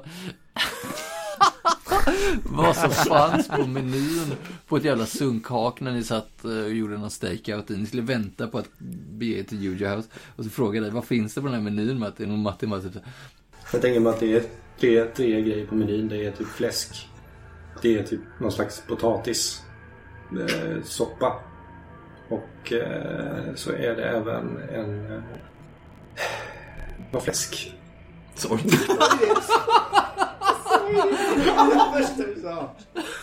Ja, men det, det kanske är det. Och fläsk. Och fläsk Det är sjukt dålig meny med andra ord. Ja, eller jävligt bra. Ja, om man gillar fläsk. Ja, ja det var... eh, Mm. Jag minns när du sa det, när jag sa det och ni började skratta så fattade inte jag varför. Förrän du förklarade varför. Och då var jag så här bara Fan vad dumt Ja, men det var ju någon period där under typ ett år när ditt korttidsminne bara svek dig och du... Ja, det pratade vi om redan förra krönikan. En annan favorit som jag har är när Ronny eh, försvarar Ray mot eh, De La Rocha i Miami och säger att eh, Ray har glömt mer om polisyrket än vad du någonsin kommer lära dig. fan håller du på med? Slå en oldtimer liksom. Han har fan glömt bort mer om polisarbetet än vad du någonsin kommer lära dig. Det är en sån här dubbelsidig eh, det, Dels så försvarar han Ray men samtidigt så säger han ju också att han, är- han är- Han förolämpar alla inblandade Ja, det det- ja, det är bra. snyggt ja. Det säger ju lite om Ronny att han är lite mim, mim, vad heter det? Himbo? Bimbo? Ja. Male bimbo. Ah, gud. Om vi återkommer till Martin då eh, Och Anna i Oktoberlandet När eh, han, hon säger Vi är nästan som polisen Men det borde väl polisen sköta, eller? Ja men vi är ju nästan som polisen. Det var, när- det var ganska tidigt Det var när ni träffade eh, Nej men var inte det på eh, Lejonpåsen? Till receptionisten typ? Ja det kanske var, det kanske var på Lejonposten Skitsamma Ja. Det var också så klockrent Vi är nästan som polisen Jag gillar det också Martin i, i chock när vi, eh, ja, vi, det vi nämnde förut, Viks herrgård. Vi skulle ju till Diks herrgård. För att den är så jävla skitnödig och dålig egentligen, men det blev ändå kul typ. Vänta nu här. Eh, vilken herrgård är det du ringer till nu? Viks herrgård. Viks herrgård? Nej, nej, nej, nej, nej, nej. Det var inte till Viks herrgård vi skulle. Vi skulle ju till Diks herrgård.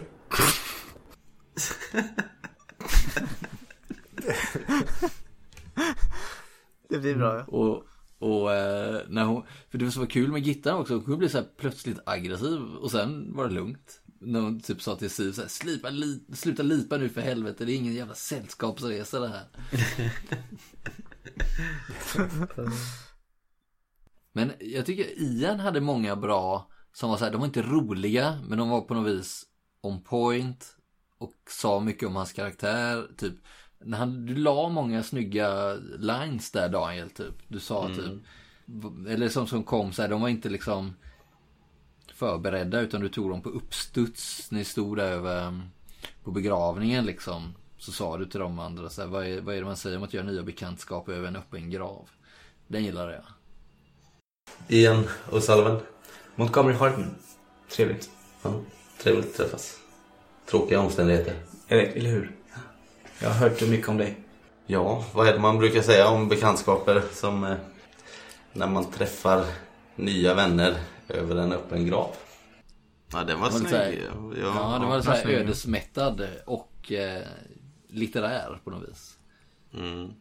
Och så sa du också till Monty någon gång så här, ha lite respekt för de döda Monty.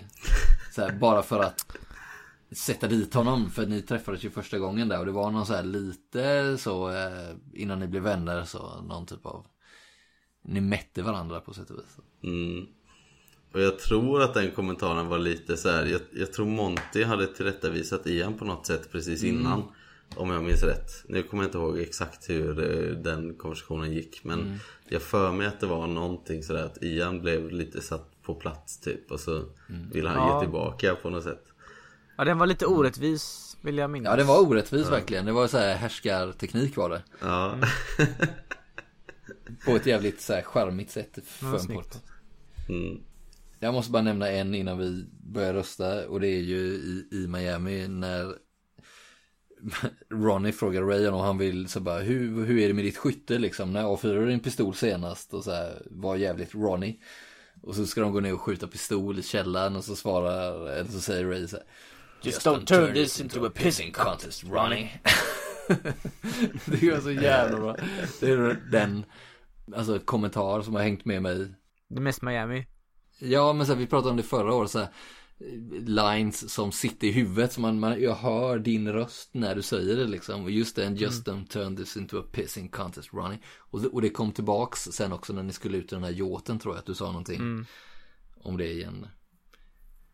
Och det handlade mest om att jag ville se om han typ kunde försvara Ja. sig själv. Ja, men det var jävligt mycket bra one-liners i Miami överlag. Den var ju spontan får jag ju säga liksom. Det var ju inte Mm. något jag tog någonstans ifrån. Det var bara... Nej, men det var ändå klockrent. För det var ju exakt det som väldigt mycket handlade om på polisstationer i 80-talets Miami. Vad vi inbillade oss i alla fall. Pissing contest. Ja. Men Erik, du hade ju en jävligt bra kommentar i chock också. Som jag tycker beskriver din karaktär perfekt. Och det är när du säger att jag har varit vaken i två dygn en gång och det är inga problem för mig. Alltså jag kan vara vaken ganska länge. Det är inga problem. Jag har varit vaken i två dygn en gång. Ja, okej. Det är inga problem för mig. En gång. Och det är så jävla skön kommentar för det är så här beskriver din karaktär. Du är så här supertönt. Men en jävla viktig, Supertönt! Men en jävla viktig Petter liksom. Jag vet nog lite mer än vad Ska du vet. Fra, att, eh, framhäva dig själv på något sätt och det blir bara helt fel. Ja men så du sa där Simon också, det, när du säger till Miranda när ni pratar om någonting som har om övernaturliga ting att göra. Så, jag vet nog lite mer än vad du vet så att... Eh... Vem säger något sånt liksom? Eller det är väl alldeles för många som säger sånt. Men det var, du sa det så jävla bra. Det är så skönt att spela sådana karaktärer. Det finns inga hämningar. Eh, Du gjorde det helt sjukt bra. Och också det, när de frågade om du någonsin hade sett en utomjording, du bara såhär Agree, Agree, yes. yes. så jävla töntigt. Ja, det var bra. Det är så sjukt jävla töntigt. Jag spolade tillbaka typ åtta gånger och lyssnade på Agree, yes. Åh gud, jag mår dåligt när jag hör det. Ja, det är så jävla töntigt. Fram med skämskudden. Ja, det är så jävla. Gud. Ja. Nej vänta, men jag har två till som jag måste få säga. Alltså på, på Aha, temat, så. ja men lyssna nu. På temat liksom beskriver karaktärer som är så bra. Och den, den ja okej Martin du får en nominering till här. Och det är när, eh, när Innocenti två gånger har han kallat sin mamma för en hagga. Och, så, och det är ju, för de som inte känner till Oktoberlandet så är ju det en, eh, en varelse i den här världen liksom. Det finns ju haggor. Det är ju någon typ av trollfolk som gav sig av ihop med överhäxan liksom. Så de, man träffar aldrig på dem längre och de är jävligt otäcka liksom. Och så säger Anna, är din mamma en hagga? och det, hon är så uppriktig och liksom blåögd och naiv på något sätt och, och verkligen tror att Innocentis mamma kanske faktiskt är en hagga då. Den gillar jag. Och Inno, det visar sig att din mamma är en hagga också. Ja, nu vet vi ju de... Spoilers. Spoilers Det, hon är en alv, får jag säga. Och sen, eh, sen har jag en från eh, Kopparhavets hjältar också.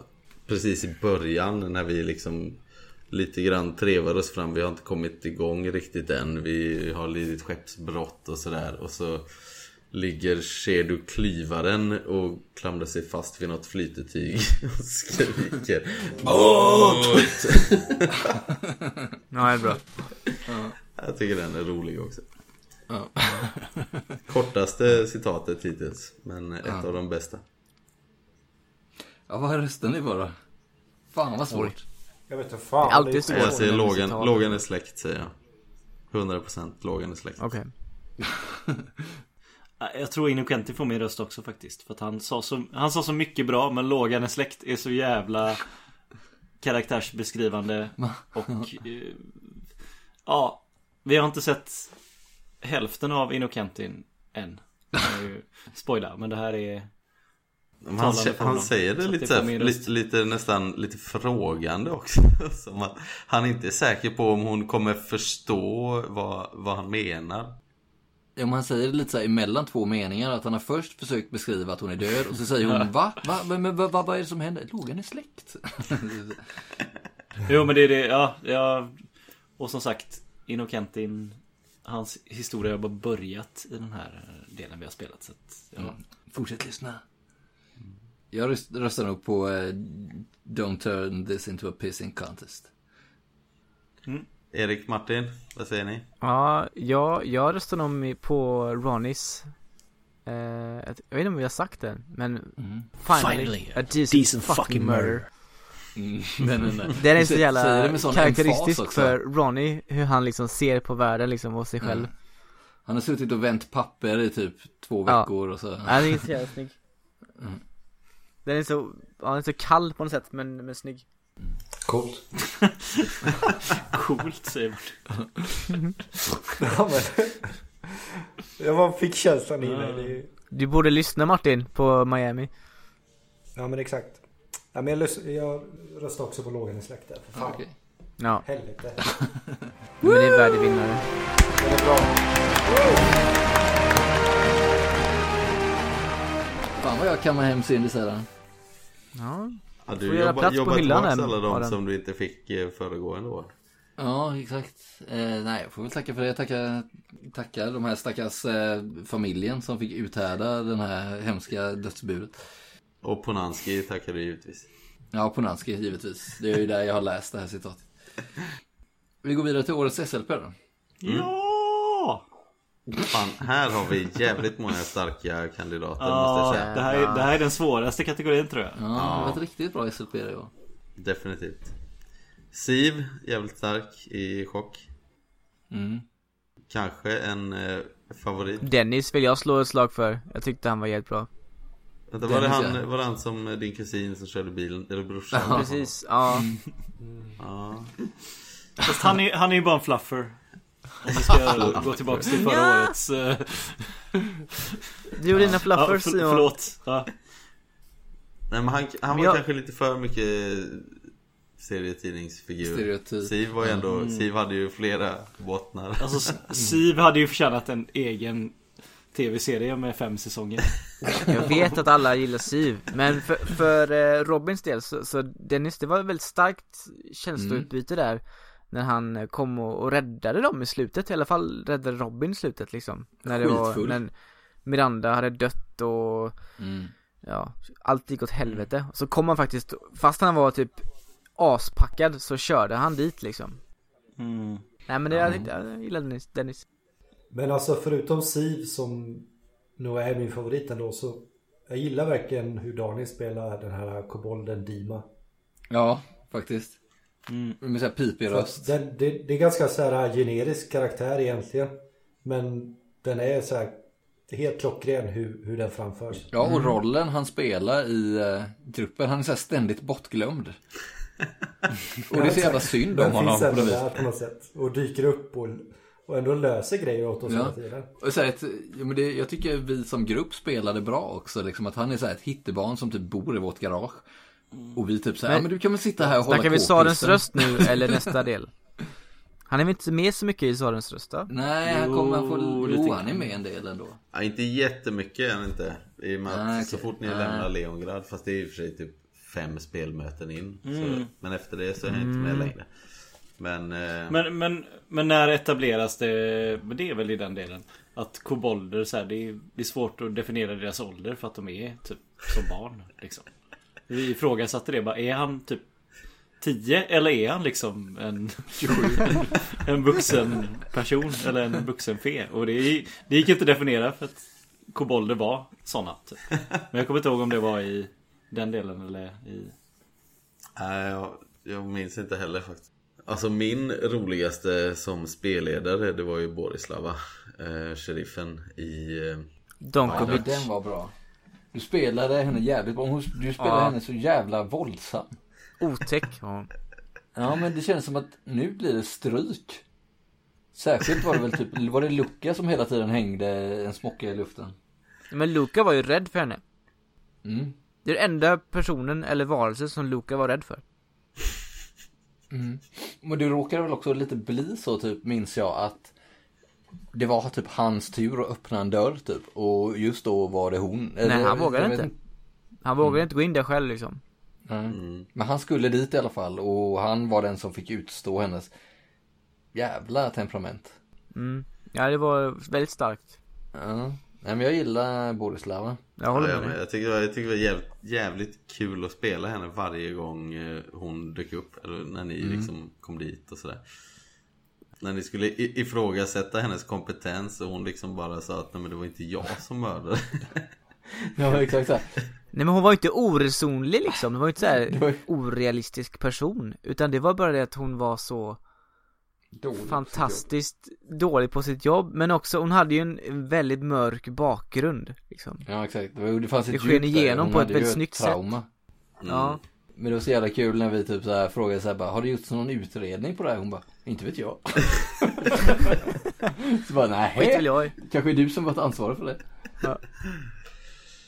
Äh, fan vad roligt. Så jag tycker den svarta ankan var jävligt bra. Just som vi sa innan med när du fixade rösten och allt det där Erik. Ja det var ändå mer dialog med den här ankan än vad jag minns det från när vi spelade liksom. Men det var ganska mycket snack fram och tillbaka. Nej men effekten gjorde mycket. Ja okej, bra Istället för att det var din vanliga röst liksom. Att det blev lite kalanka röst av. Ja, Det hjälpte liksom. I det spelet så passade det sig. Det passade verkligen. Ja. Det gjorde ingenting sämre, bara bättre. Mm. Har du någon från eh, Miami Simon?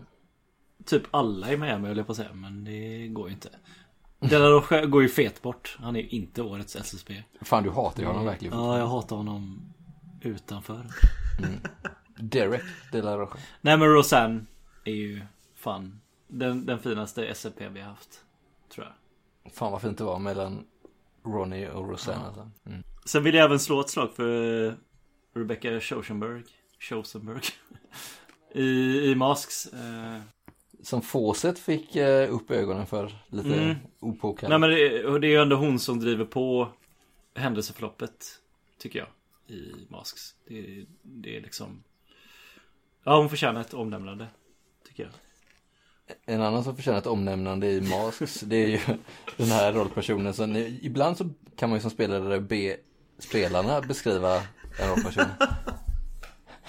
Och det gjorde jag ett par gånger och så fick Martin ordet. Och så beskrev, lät jag Martin beskriva den här spanan som satt och kollade i en Juju House. Martin, kommer du ihåg hur du beskrev honom? Med, Han är inte gammal, men han är ganska ung och ganska rund. Och så har han så här blanka lackskor på. Vad fan? Ja. Och så här fjunig tjockis med lackskor. Det var liksom deras så här skar- det var honom de skickade ut på det här skarpa uppdraget. Spaningsuppdraget ja. Jag tror det är Ja, det bästa var ju att det var honom, det var honom de skickade sen när de skulle hämta hela polisstyrkan. Ja, exakt. Han sprang där med sina lackskor längs Fifth Avenue. Korta ben men jävligt snabb. Mm. Vi har ju två djur på listan återigen, Safir och Agapi. Safir ja. Mm. Men Agapi sa ju inte så mycket. Ja, Agapi sa ju något i alla fall.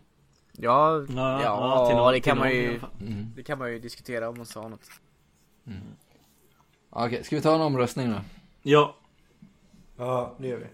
Martin, Årets SLP. Siv, Den är tung Siv, alltså. vad säger du Erik?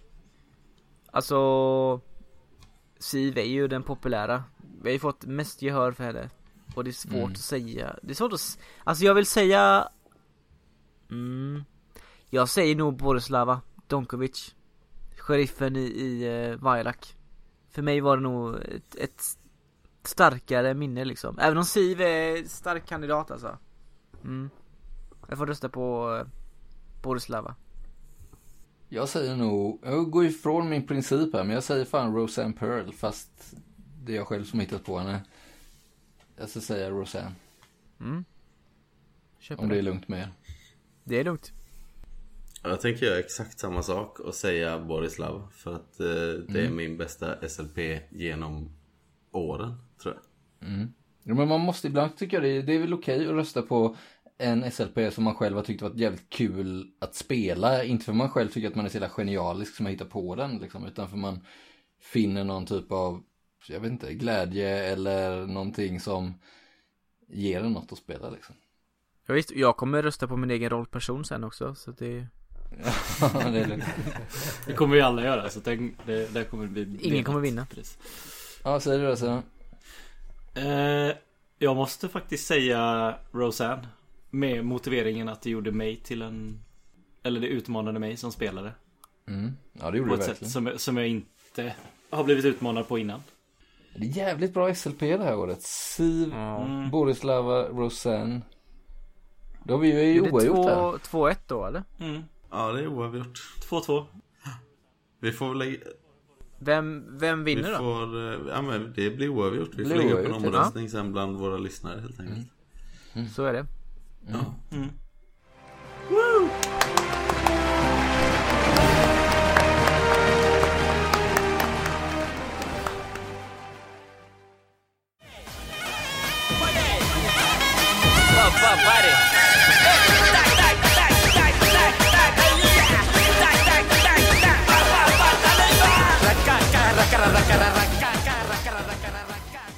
Fan Nu blir det jobbigt här Årets rollperson Mm, Det här är ju typ den tyngsta nästan alltså.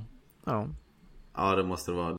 Årets rollperson, kanske den eh, viktigaste syndin. Eller viktigaste, men den mest prestigefyllde. bryr sig?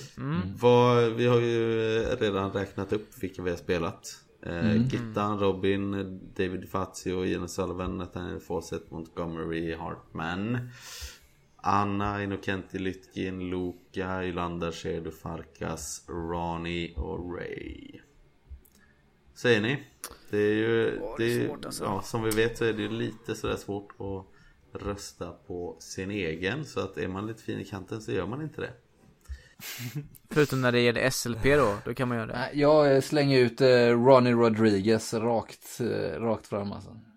Just på grund av det Simon sa innan, att han utmanar sig själv på ett sätt som känns som om, jag vet inte, när, han- när någon av oss gjorde det på samma vis. Där han ställde sig inför extrema, ganska extrema situationer och tvingades spela ut ganska obekväma och känslosamma scener.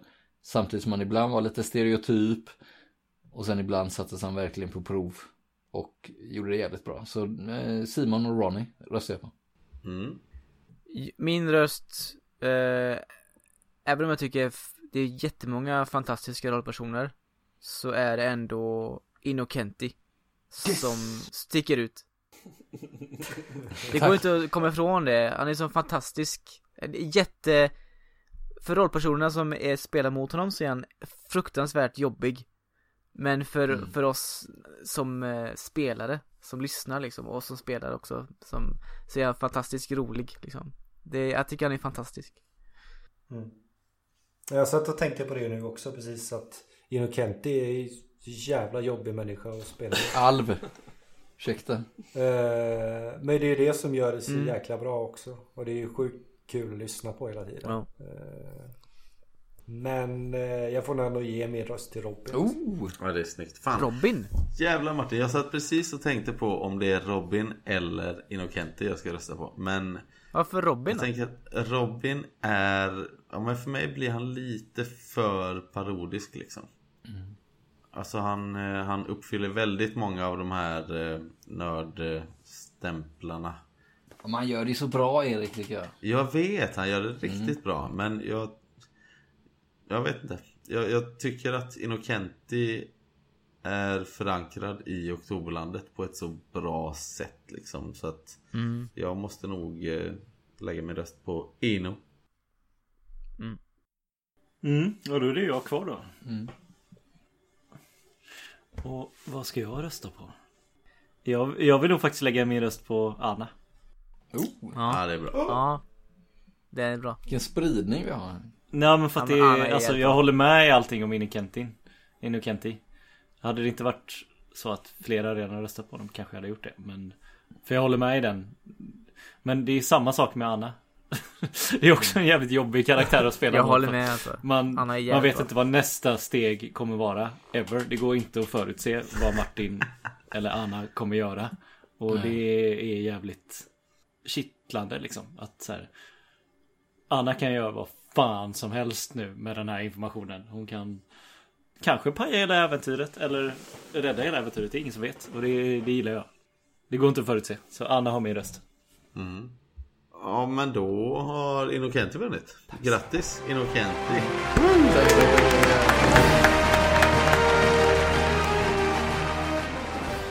Ska du ta alla syndis i år? Ja, ja Adam, det eller? kan man göra rent bord här. Jag är som, vad heter han, Duplantis på Sportgalan igår. Men vi kan, ju, vi kan ju stänga ner då, vi behöver inte vara med längre Nej.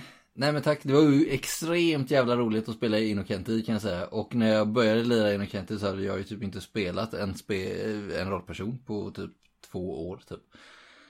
Så jag var ju typ övertänd när vi spelade och det var därför, kanske därför han har så mycket airtime. Eller han pratar ju hela tiden och det var för att jag var så övertaggad typ. Ja, men det blev ju också en del av hans karaktär. Mm. Alltså det framgår väl ganska tydligt i podden att han gillar att snacka. Mm. Men jag har ju en teori där med att Lytskin och Luka är ju väldigt anti-Inno Mm. Ja.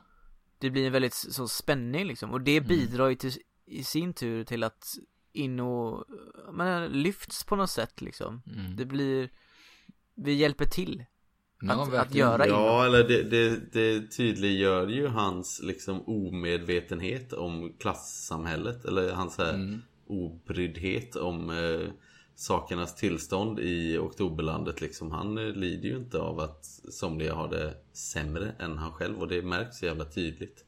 Mm. Och det hade nog inte, det hade nog inte gjort det om, om inte era karaktärer hade varit där liksom. Men, vem- men vem vet, han kanske, han kanske blir ödmjukare med åren.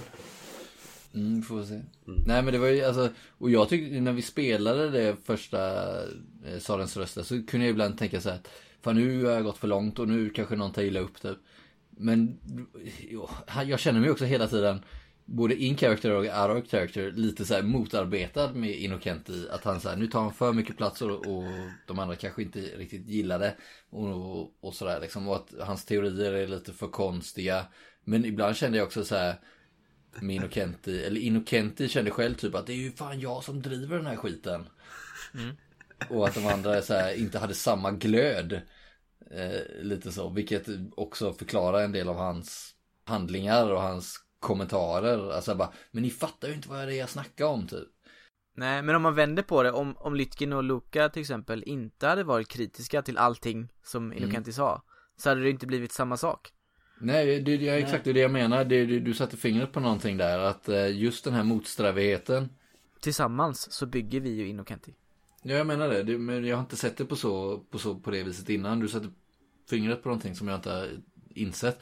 Men just den här motsträvigheten ifrån era karaktärer gör ju att eh, gestaltningen i podden blir desto bättre liksom. För då ser man de motsättningarna. Och den enda som var typ schysst mot honom var ju Anna. Fast hon är ju också så naiv och snäll så att Men Anna ser ju Innocenti lite som sin lillebror nästan.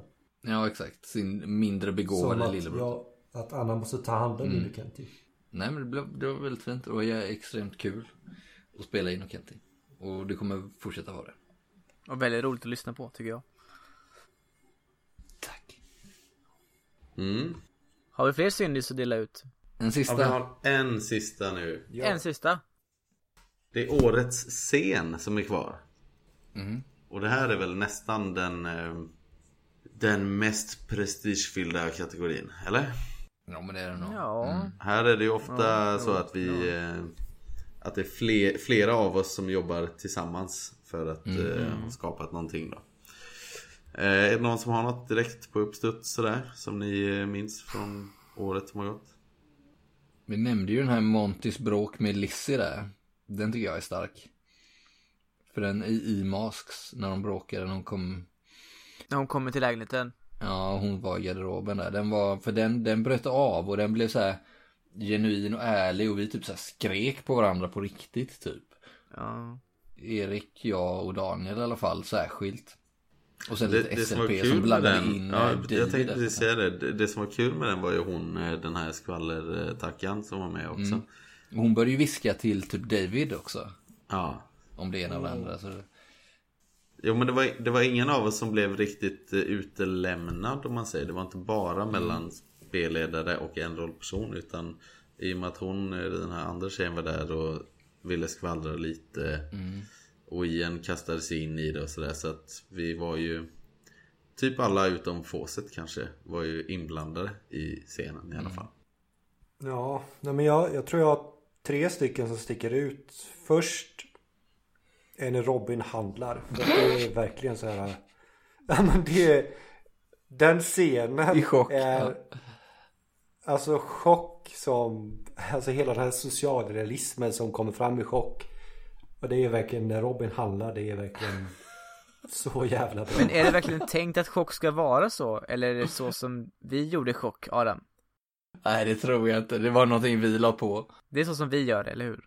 Nej men just hur vi spelar den scenen, eller du spelar den scenen och det är, man känner verkligen, man känner nästan ångest när man Ja. lyssnar på den scenen. Är det då ni diskuterar om ni ska swisha fram och tillbaka också eller ta ut kontanter? Ja, det kommer efter Ja, det sen. Fan. Ah. Men sen är även alla introscener i Masks tycker jag är skitbra. Mm. De sätter verkligen alla karaktärer. Din var nästan den bästa Martin.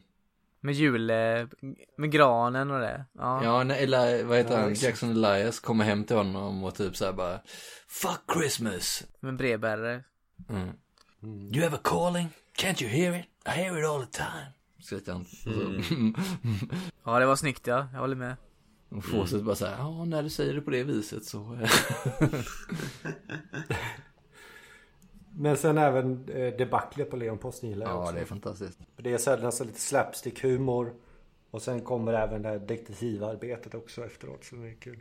Det är kul att lyssna på. Hela den scenen är faktiskt bra. Från det att Anna och Innocenti kliver in till att ni kryper ut. Det är faktiskt... Eh, Ja, det var fan vad vi gjorde.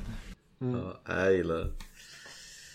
Men jag gillar ju också den som vi pratade om förut, den som vann årets citat, just när vi levererar dödsbudet där, jag och eh, Inno och Anna. Hela den scenen är ju bara plågsamt töntigt jobbig. Så jävla osmidig. Ja, det är det som är så extra roligt att eh, jag la in de här två ungarna liksom så att man får det här livfulla ja exakt, det gjorde ju allting jobbigare. Ja, ja precis De, eh, jag vet inte, det står nog någonstans att det finns någon ungfe inblandad men inte att det var två små svin liksom Det, det belyste ju väldigt mycket hur okänslig Innocenti är. Mm. Hur oempatisk han är liksom. Jag vet, men jag känner ändå så att han är empatisk.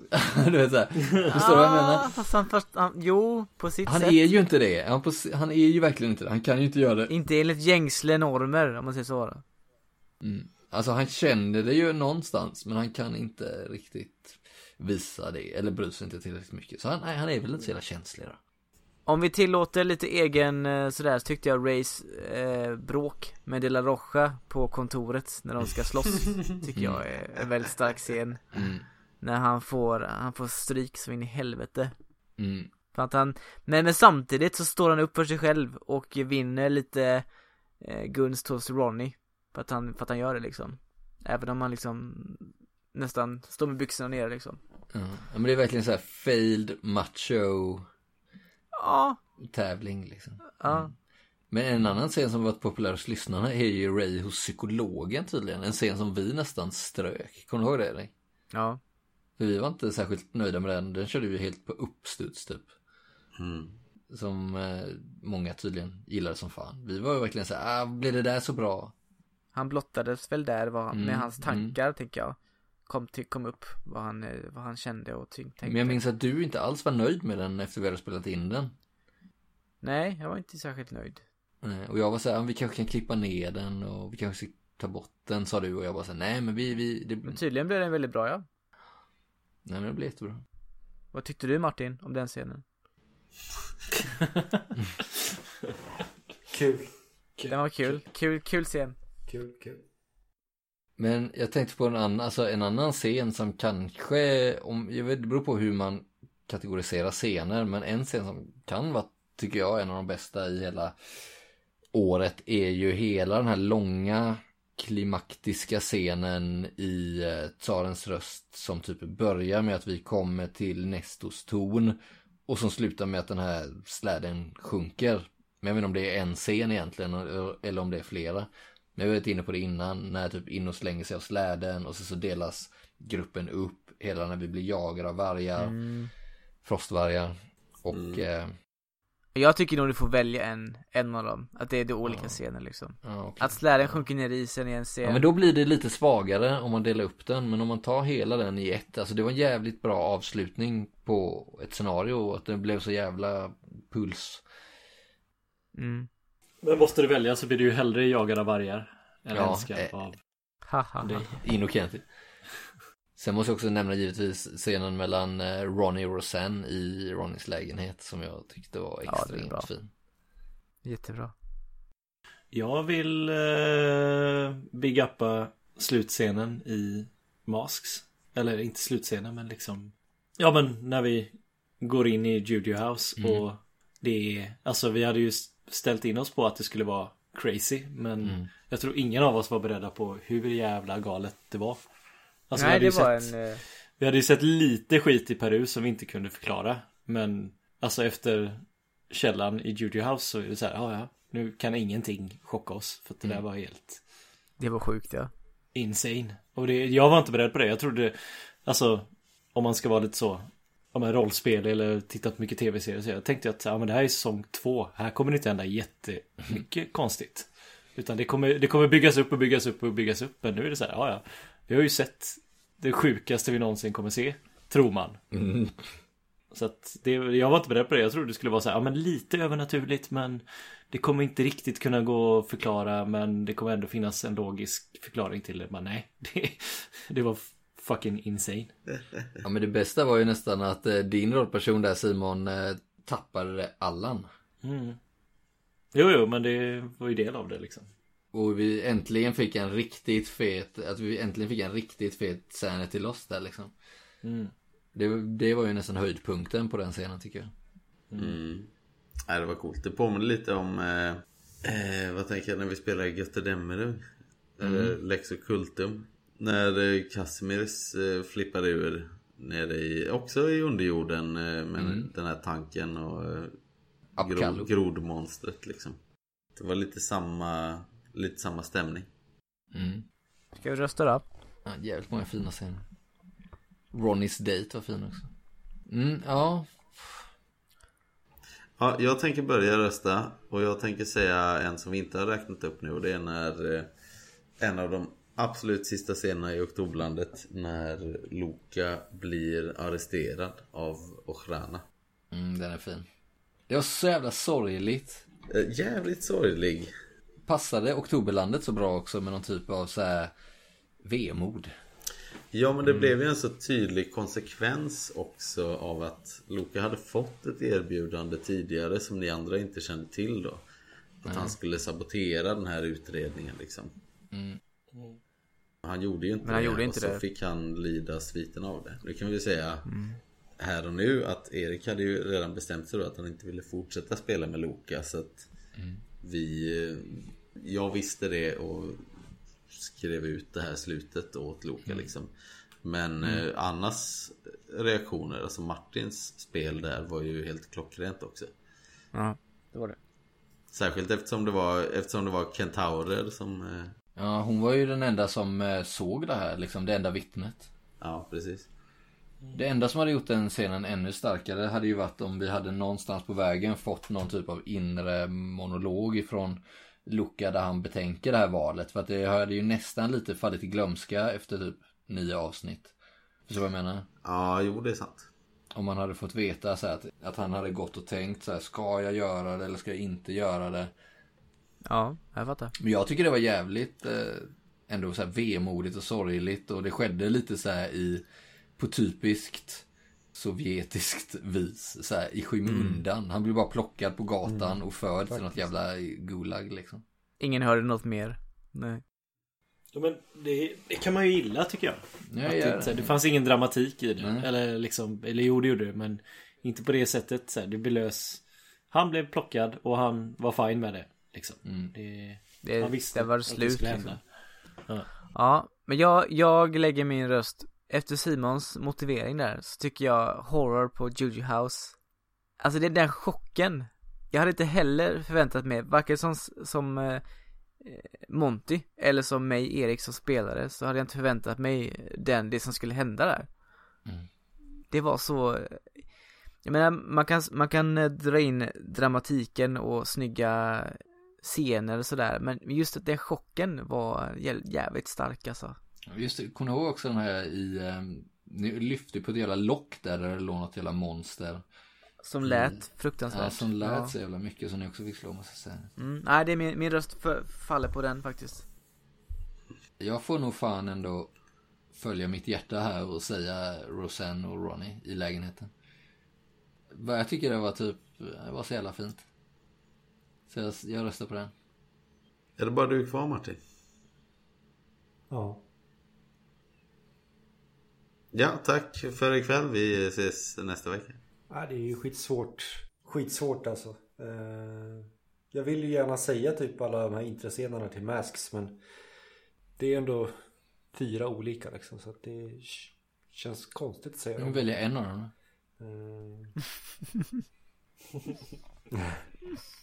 Jag tycker det var jättejobbigt när vi spelade den några... Nej, Ja, men igen. ändå- eh, Ja, men, eh, men jag tycker ändå det Det hade vi inte skrivit med här men det Daniel sa är ju också jäkligt bra så jag får rösta på det. Luca. Precis. Har vi två på Juju House och två på Luca? Han är oavgjort igen. Men det är ändå lite kul, jag måste bara säga det innan för att det känns som att eh, Erik, du var så här lite med Luca, var han så himla bra rollperson och du ville byta sen. Men det är ändå, han fick ju ändå ett jävligt fint och värdigt slut för att vara en rollperson. Ja det är sant Som du ändå inte, som du inte riktigt hittade eller vad du... Nej men jag kände det. liksom inte att jag kunde, jag, jag gillade inte att spela Luca, det kan jag väl erkänna Mm. Han var så himla mörk och, och arg hela tiden Mm. Det fanns ingen, ingen komik överhuvudtaget i honom. Nej. De flesta av mina karaktärer är lite roliga. Ja. Luca är väldigt allvarlig. Jag, jag tänkte mig när jag skapade honom som en cowboy liksom. Fast i, i Ryssland. Men du var tvungen att spela honom innan du upptäckte det kanske, eller? Ja, men jag, han blev så... Dels så stal ju Anna och Inno lite rollen av de som är tokiga. Mm. Mm. Och då kände jag att jag kunde inte vara den som är liksom Ah, eh, okej. det, det, blev, det funkar inte liksom. Jag var tvungen att spela den hårda, allvarliga typen. Mm. Men jag tyckte inte det var så roligt liksom. Mm. Typ så. Ja, det är inga konstigheter. Delad vinst där. Ja, Luca i Jojo House. Det hade varit en serie.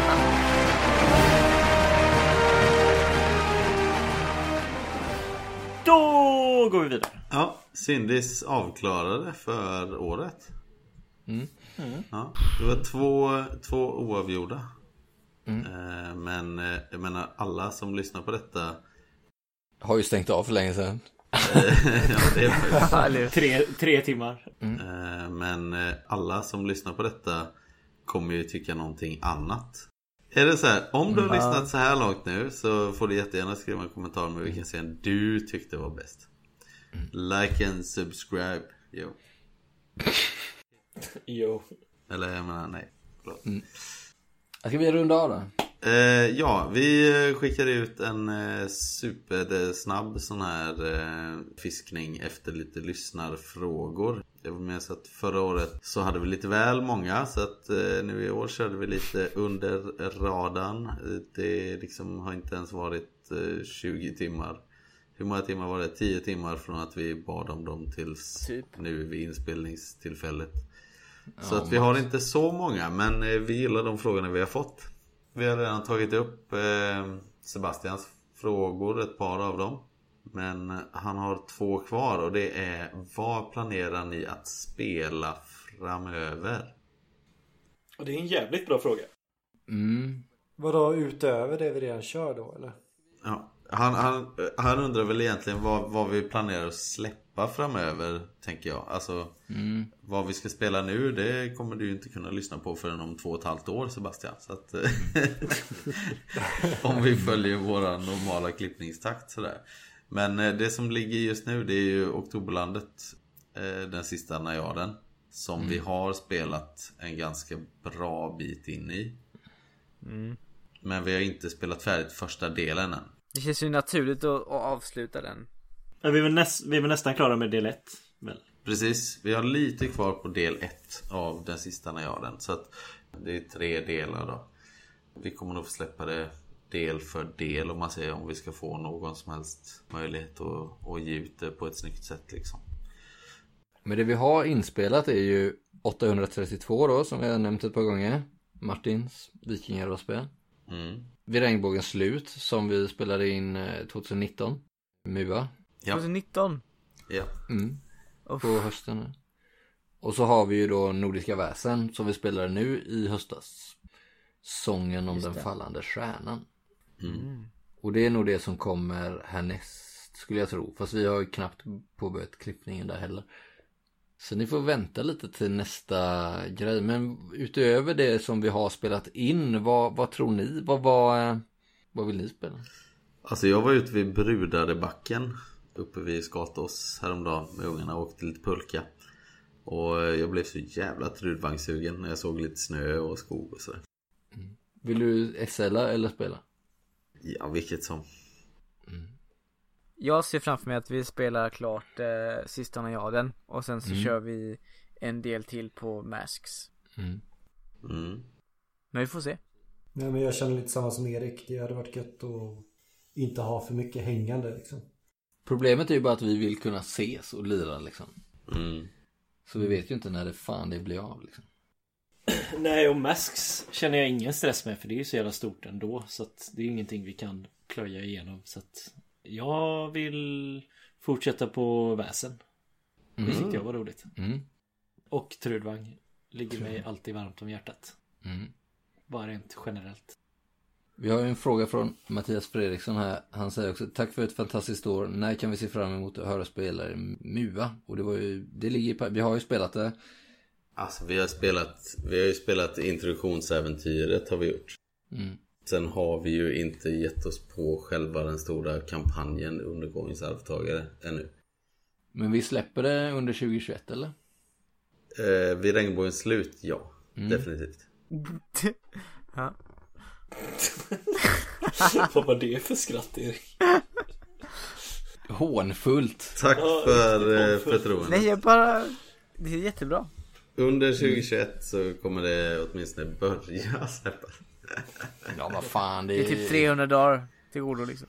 Vi får säga att vi, vi har typ 15 timmar inspelat material som inte är påbörjat än. Typ. Så det är ju en del klippningsarbete. Och det är inte så konstigt. Men eh, det löser vi. När spelade vi in 832 då? Ja, det var också Det var 2019. också 2019 på sommaren tror jag. Mm, hö- sommaren och hösten 2019. Ja. Jerry Svanberg undrar också när det blir mer av Oktoberlandet och det har vi ju svarat på. Det blir väl också under 2021 hoppas vi. Eller hur Daniel? Ja, jag hoppas det. Alltså jag får ju börja klippa det vi har helt enkelt. Och så hoppas att vi får tillfälle att spela färdigt. Den sista när jag har den. Så att eh, man kan fortsätta. Men det kan vara så, det kan vara som jag sa nyss då att vi får släppa det i etapper liksom i, i tre delar.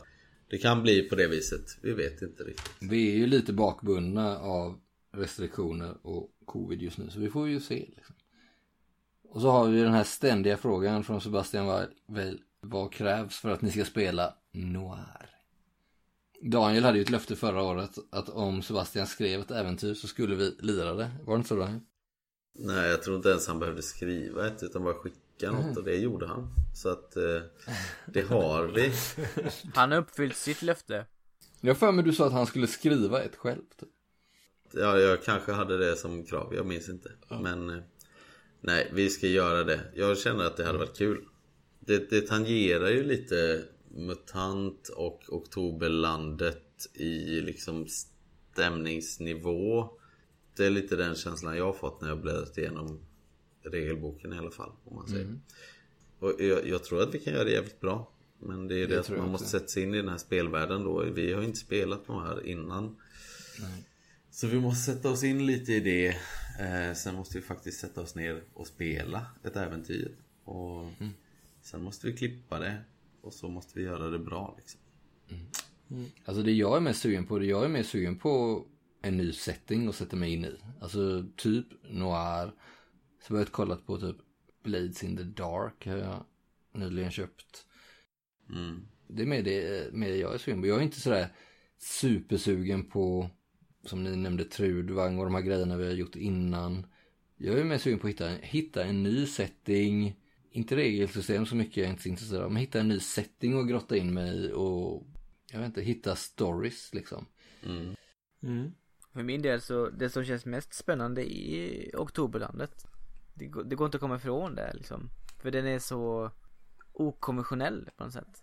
Den, Mm. den, den påminner inte om någonting annat. Nej, samma här. Det är, det är en del av lockelsen och det är lite därför jag också vill leta nya settings som på samma vis som Oktoberlandet kan ge mig någon typ av ny spelupplevelse. Ja, det, det chockar liksom. Mm. Man vet inte vad man får. Mm. Det är lite tråkigt med det här, med det här gamla vanliga så här, Det är som fantasy fast med den här twisten. Eller det är som criminal fast med den här twisten. Man vill hitta någonting unikt lite sådär. Mm. Kom gärna med förslag. Det, det var ju det som gjorde liksom Chock och Miami som ganska intressanta. För att det, Mm. det var ju nutid. Eller snarlik liksom. Fast det, man visste inte riktigt vad man skulle få liksom.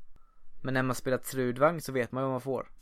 Mm. Nej, men jag har ju lite så sug efter lite så Vanitas spel också för då kan man Jag vet att det, då får vi mycket färre lyssnare men man har mycket större frihet att hitta på egna grejer. Man kan välja en tidsålder eller en påk och sen så lägger man in det sättet vi tycker att spela på och sen så med ett jävligt simpelt regelsystem. Liksom. Men vi får se vad det blir. Mm. Ja, vi ska inte lova någonting för vi, vi vet inte hur det här året kommer se ut helt enkelt. Nej. Men eh, den näst sista när jag har den.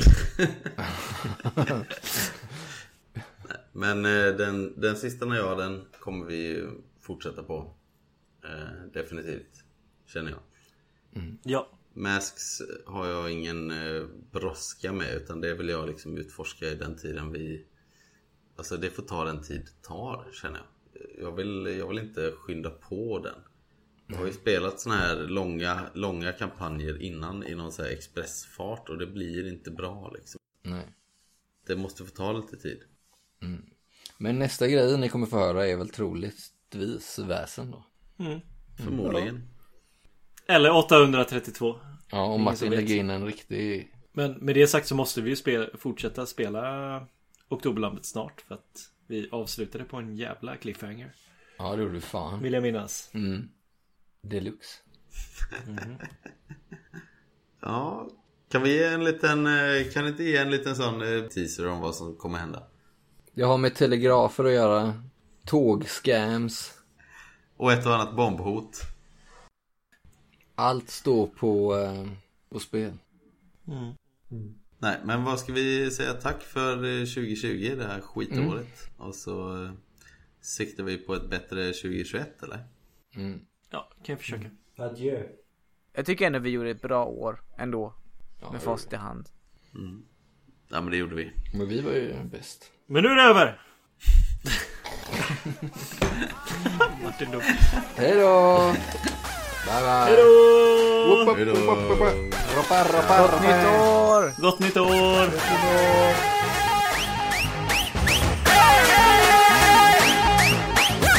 பேய பேணியரு பிரச்சனை எல்லாம் போவது ஓயாம வேலை செஞ்சா கிழிஞ்சிருந்தா தாயரு ஹாப்பி ஹாப்பி நியூ இயரு பிரச்சனை வேணாம் போயிரு யார் என்ன சொன்னா என்ன இஷ்டம் போல நீரு Capì, capì, capì, capì.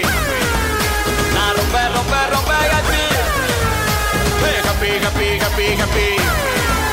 La rompe, rompe, rompe, capì.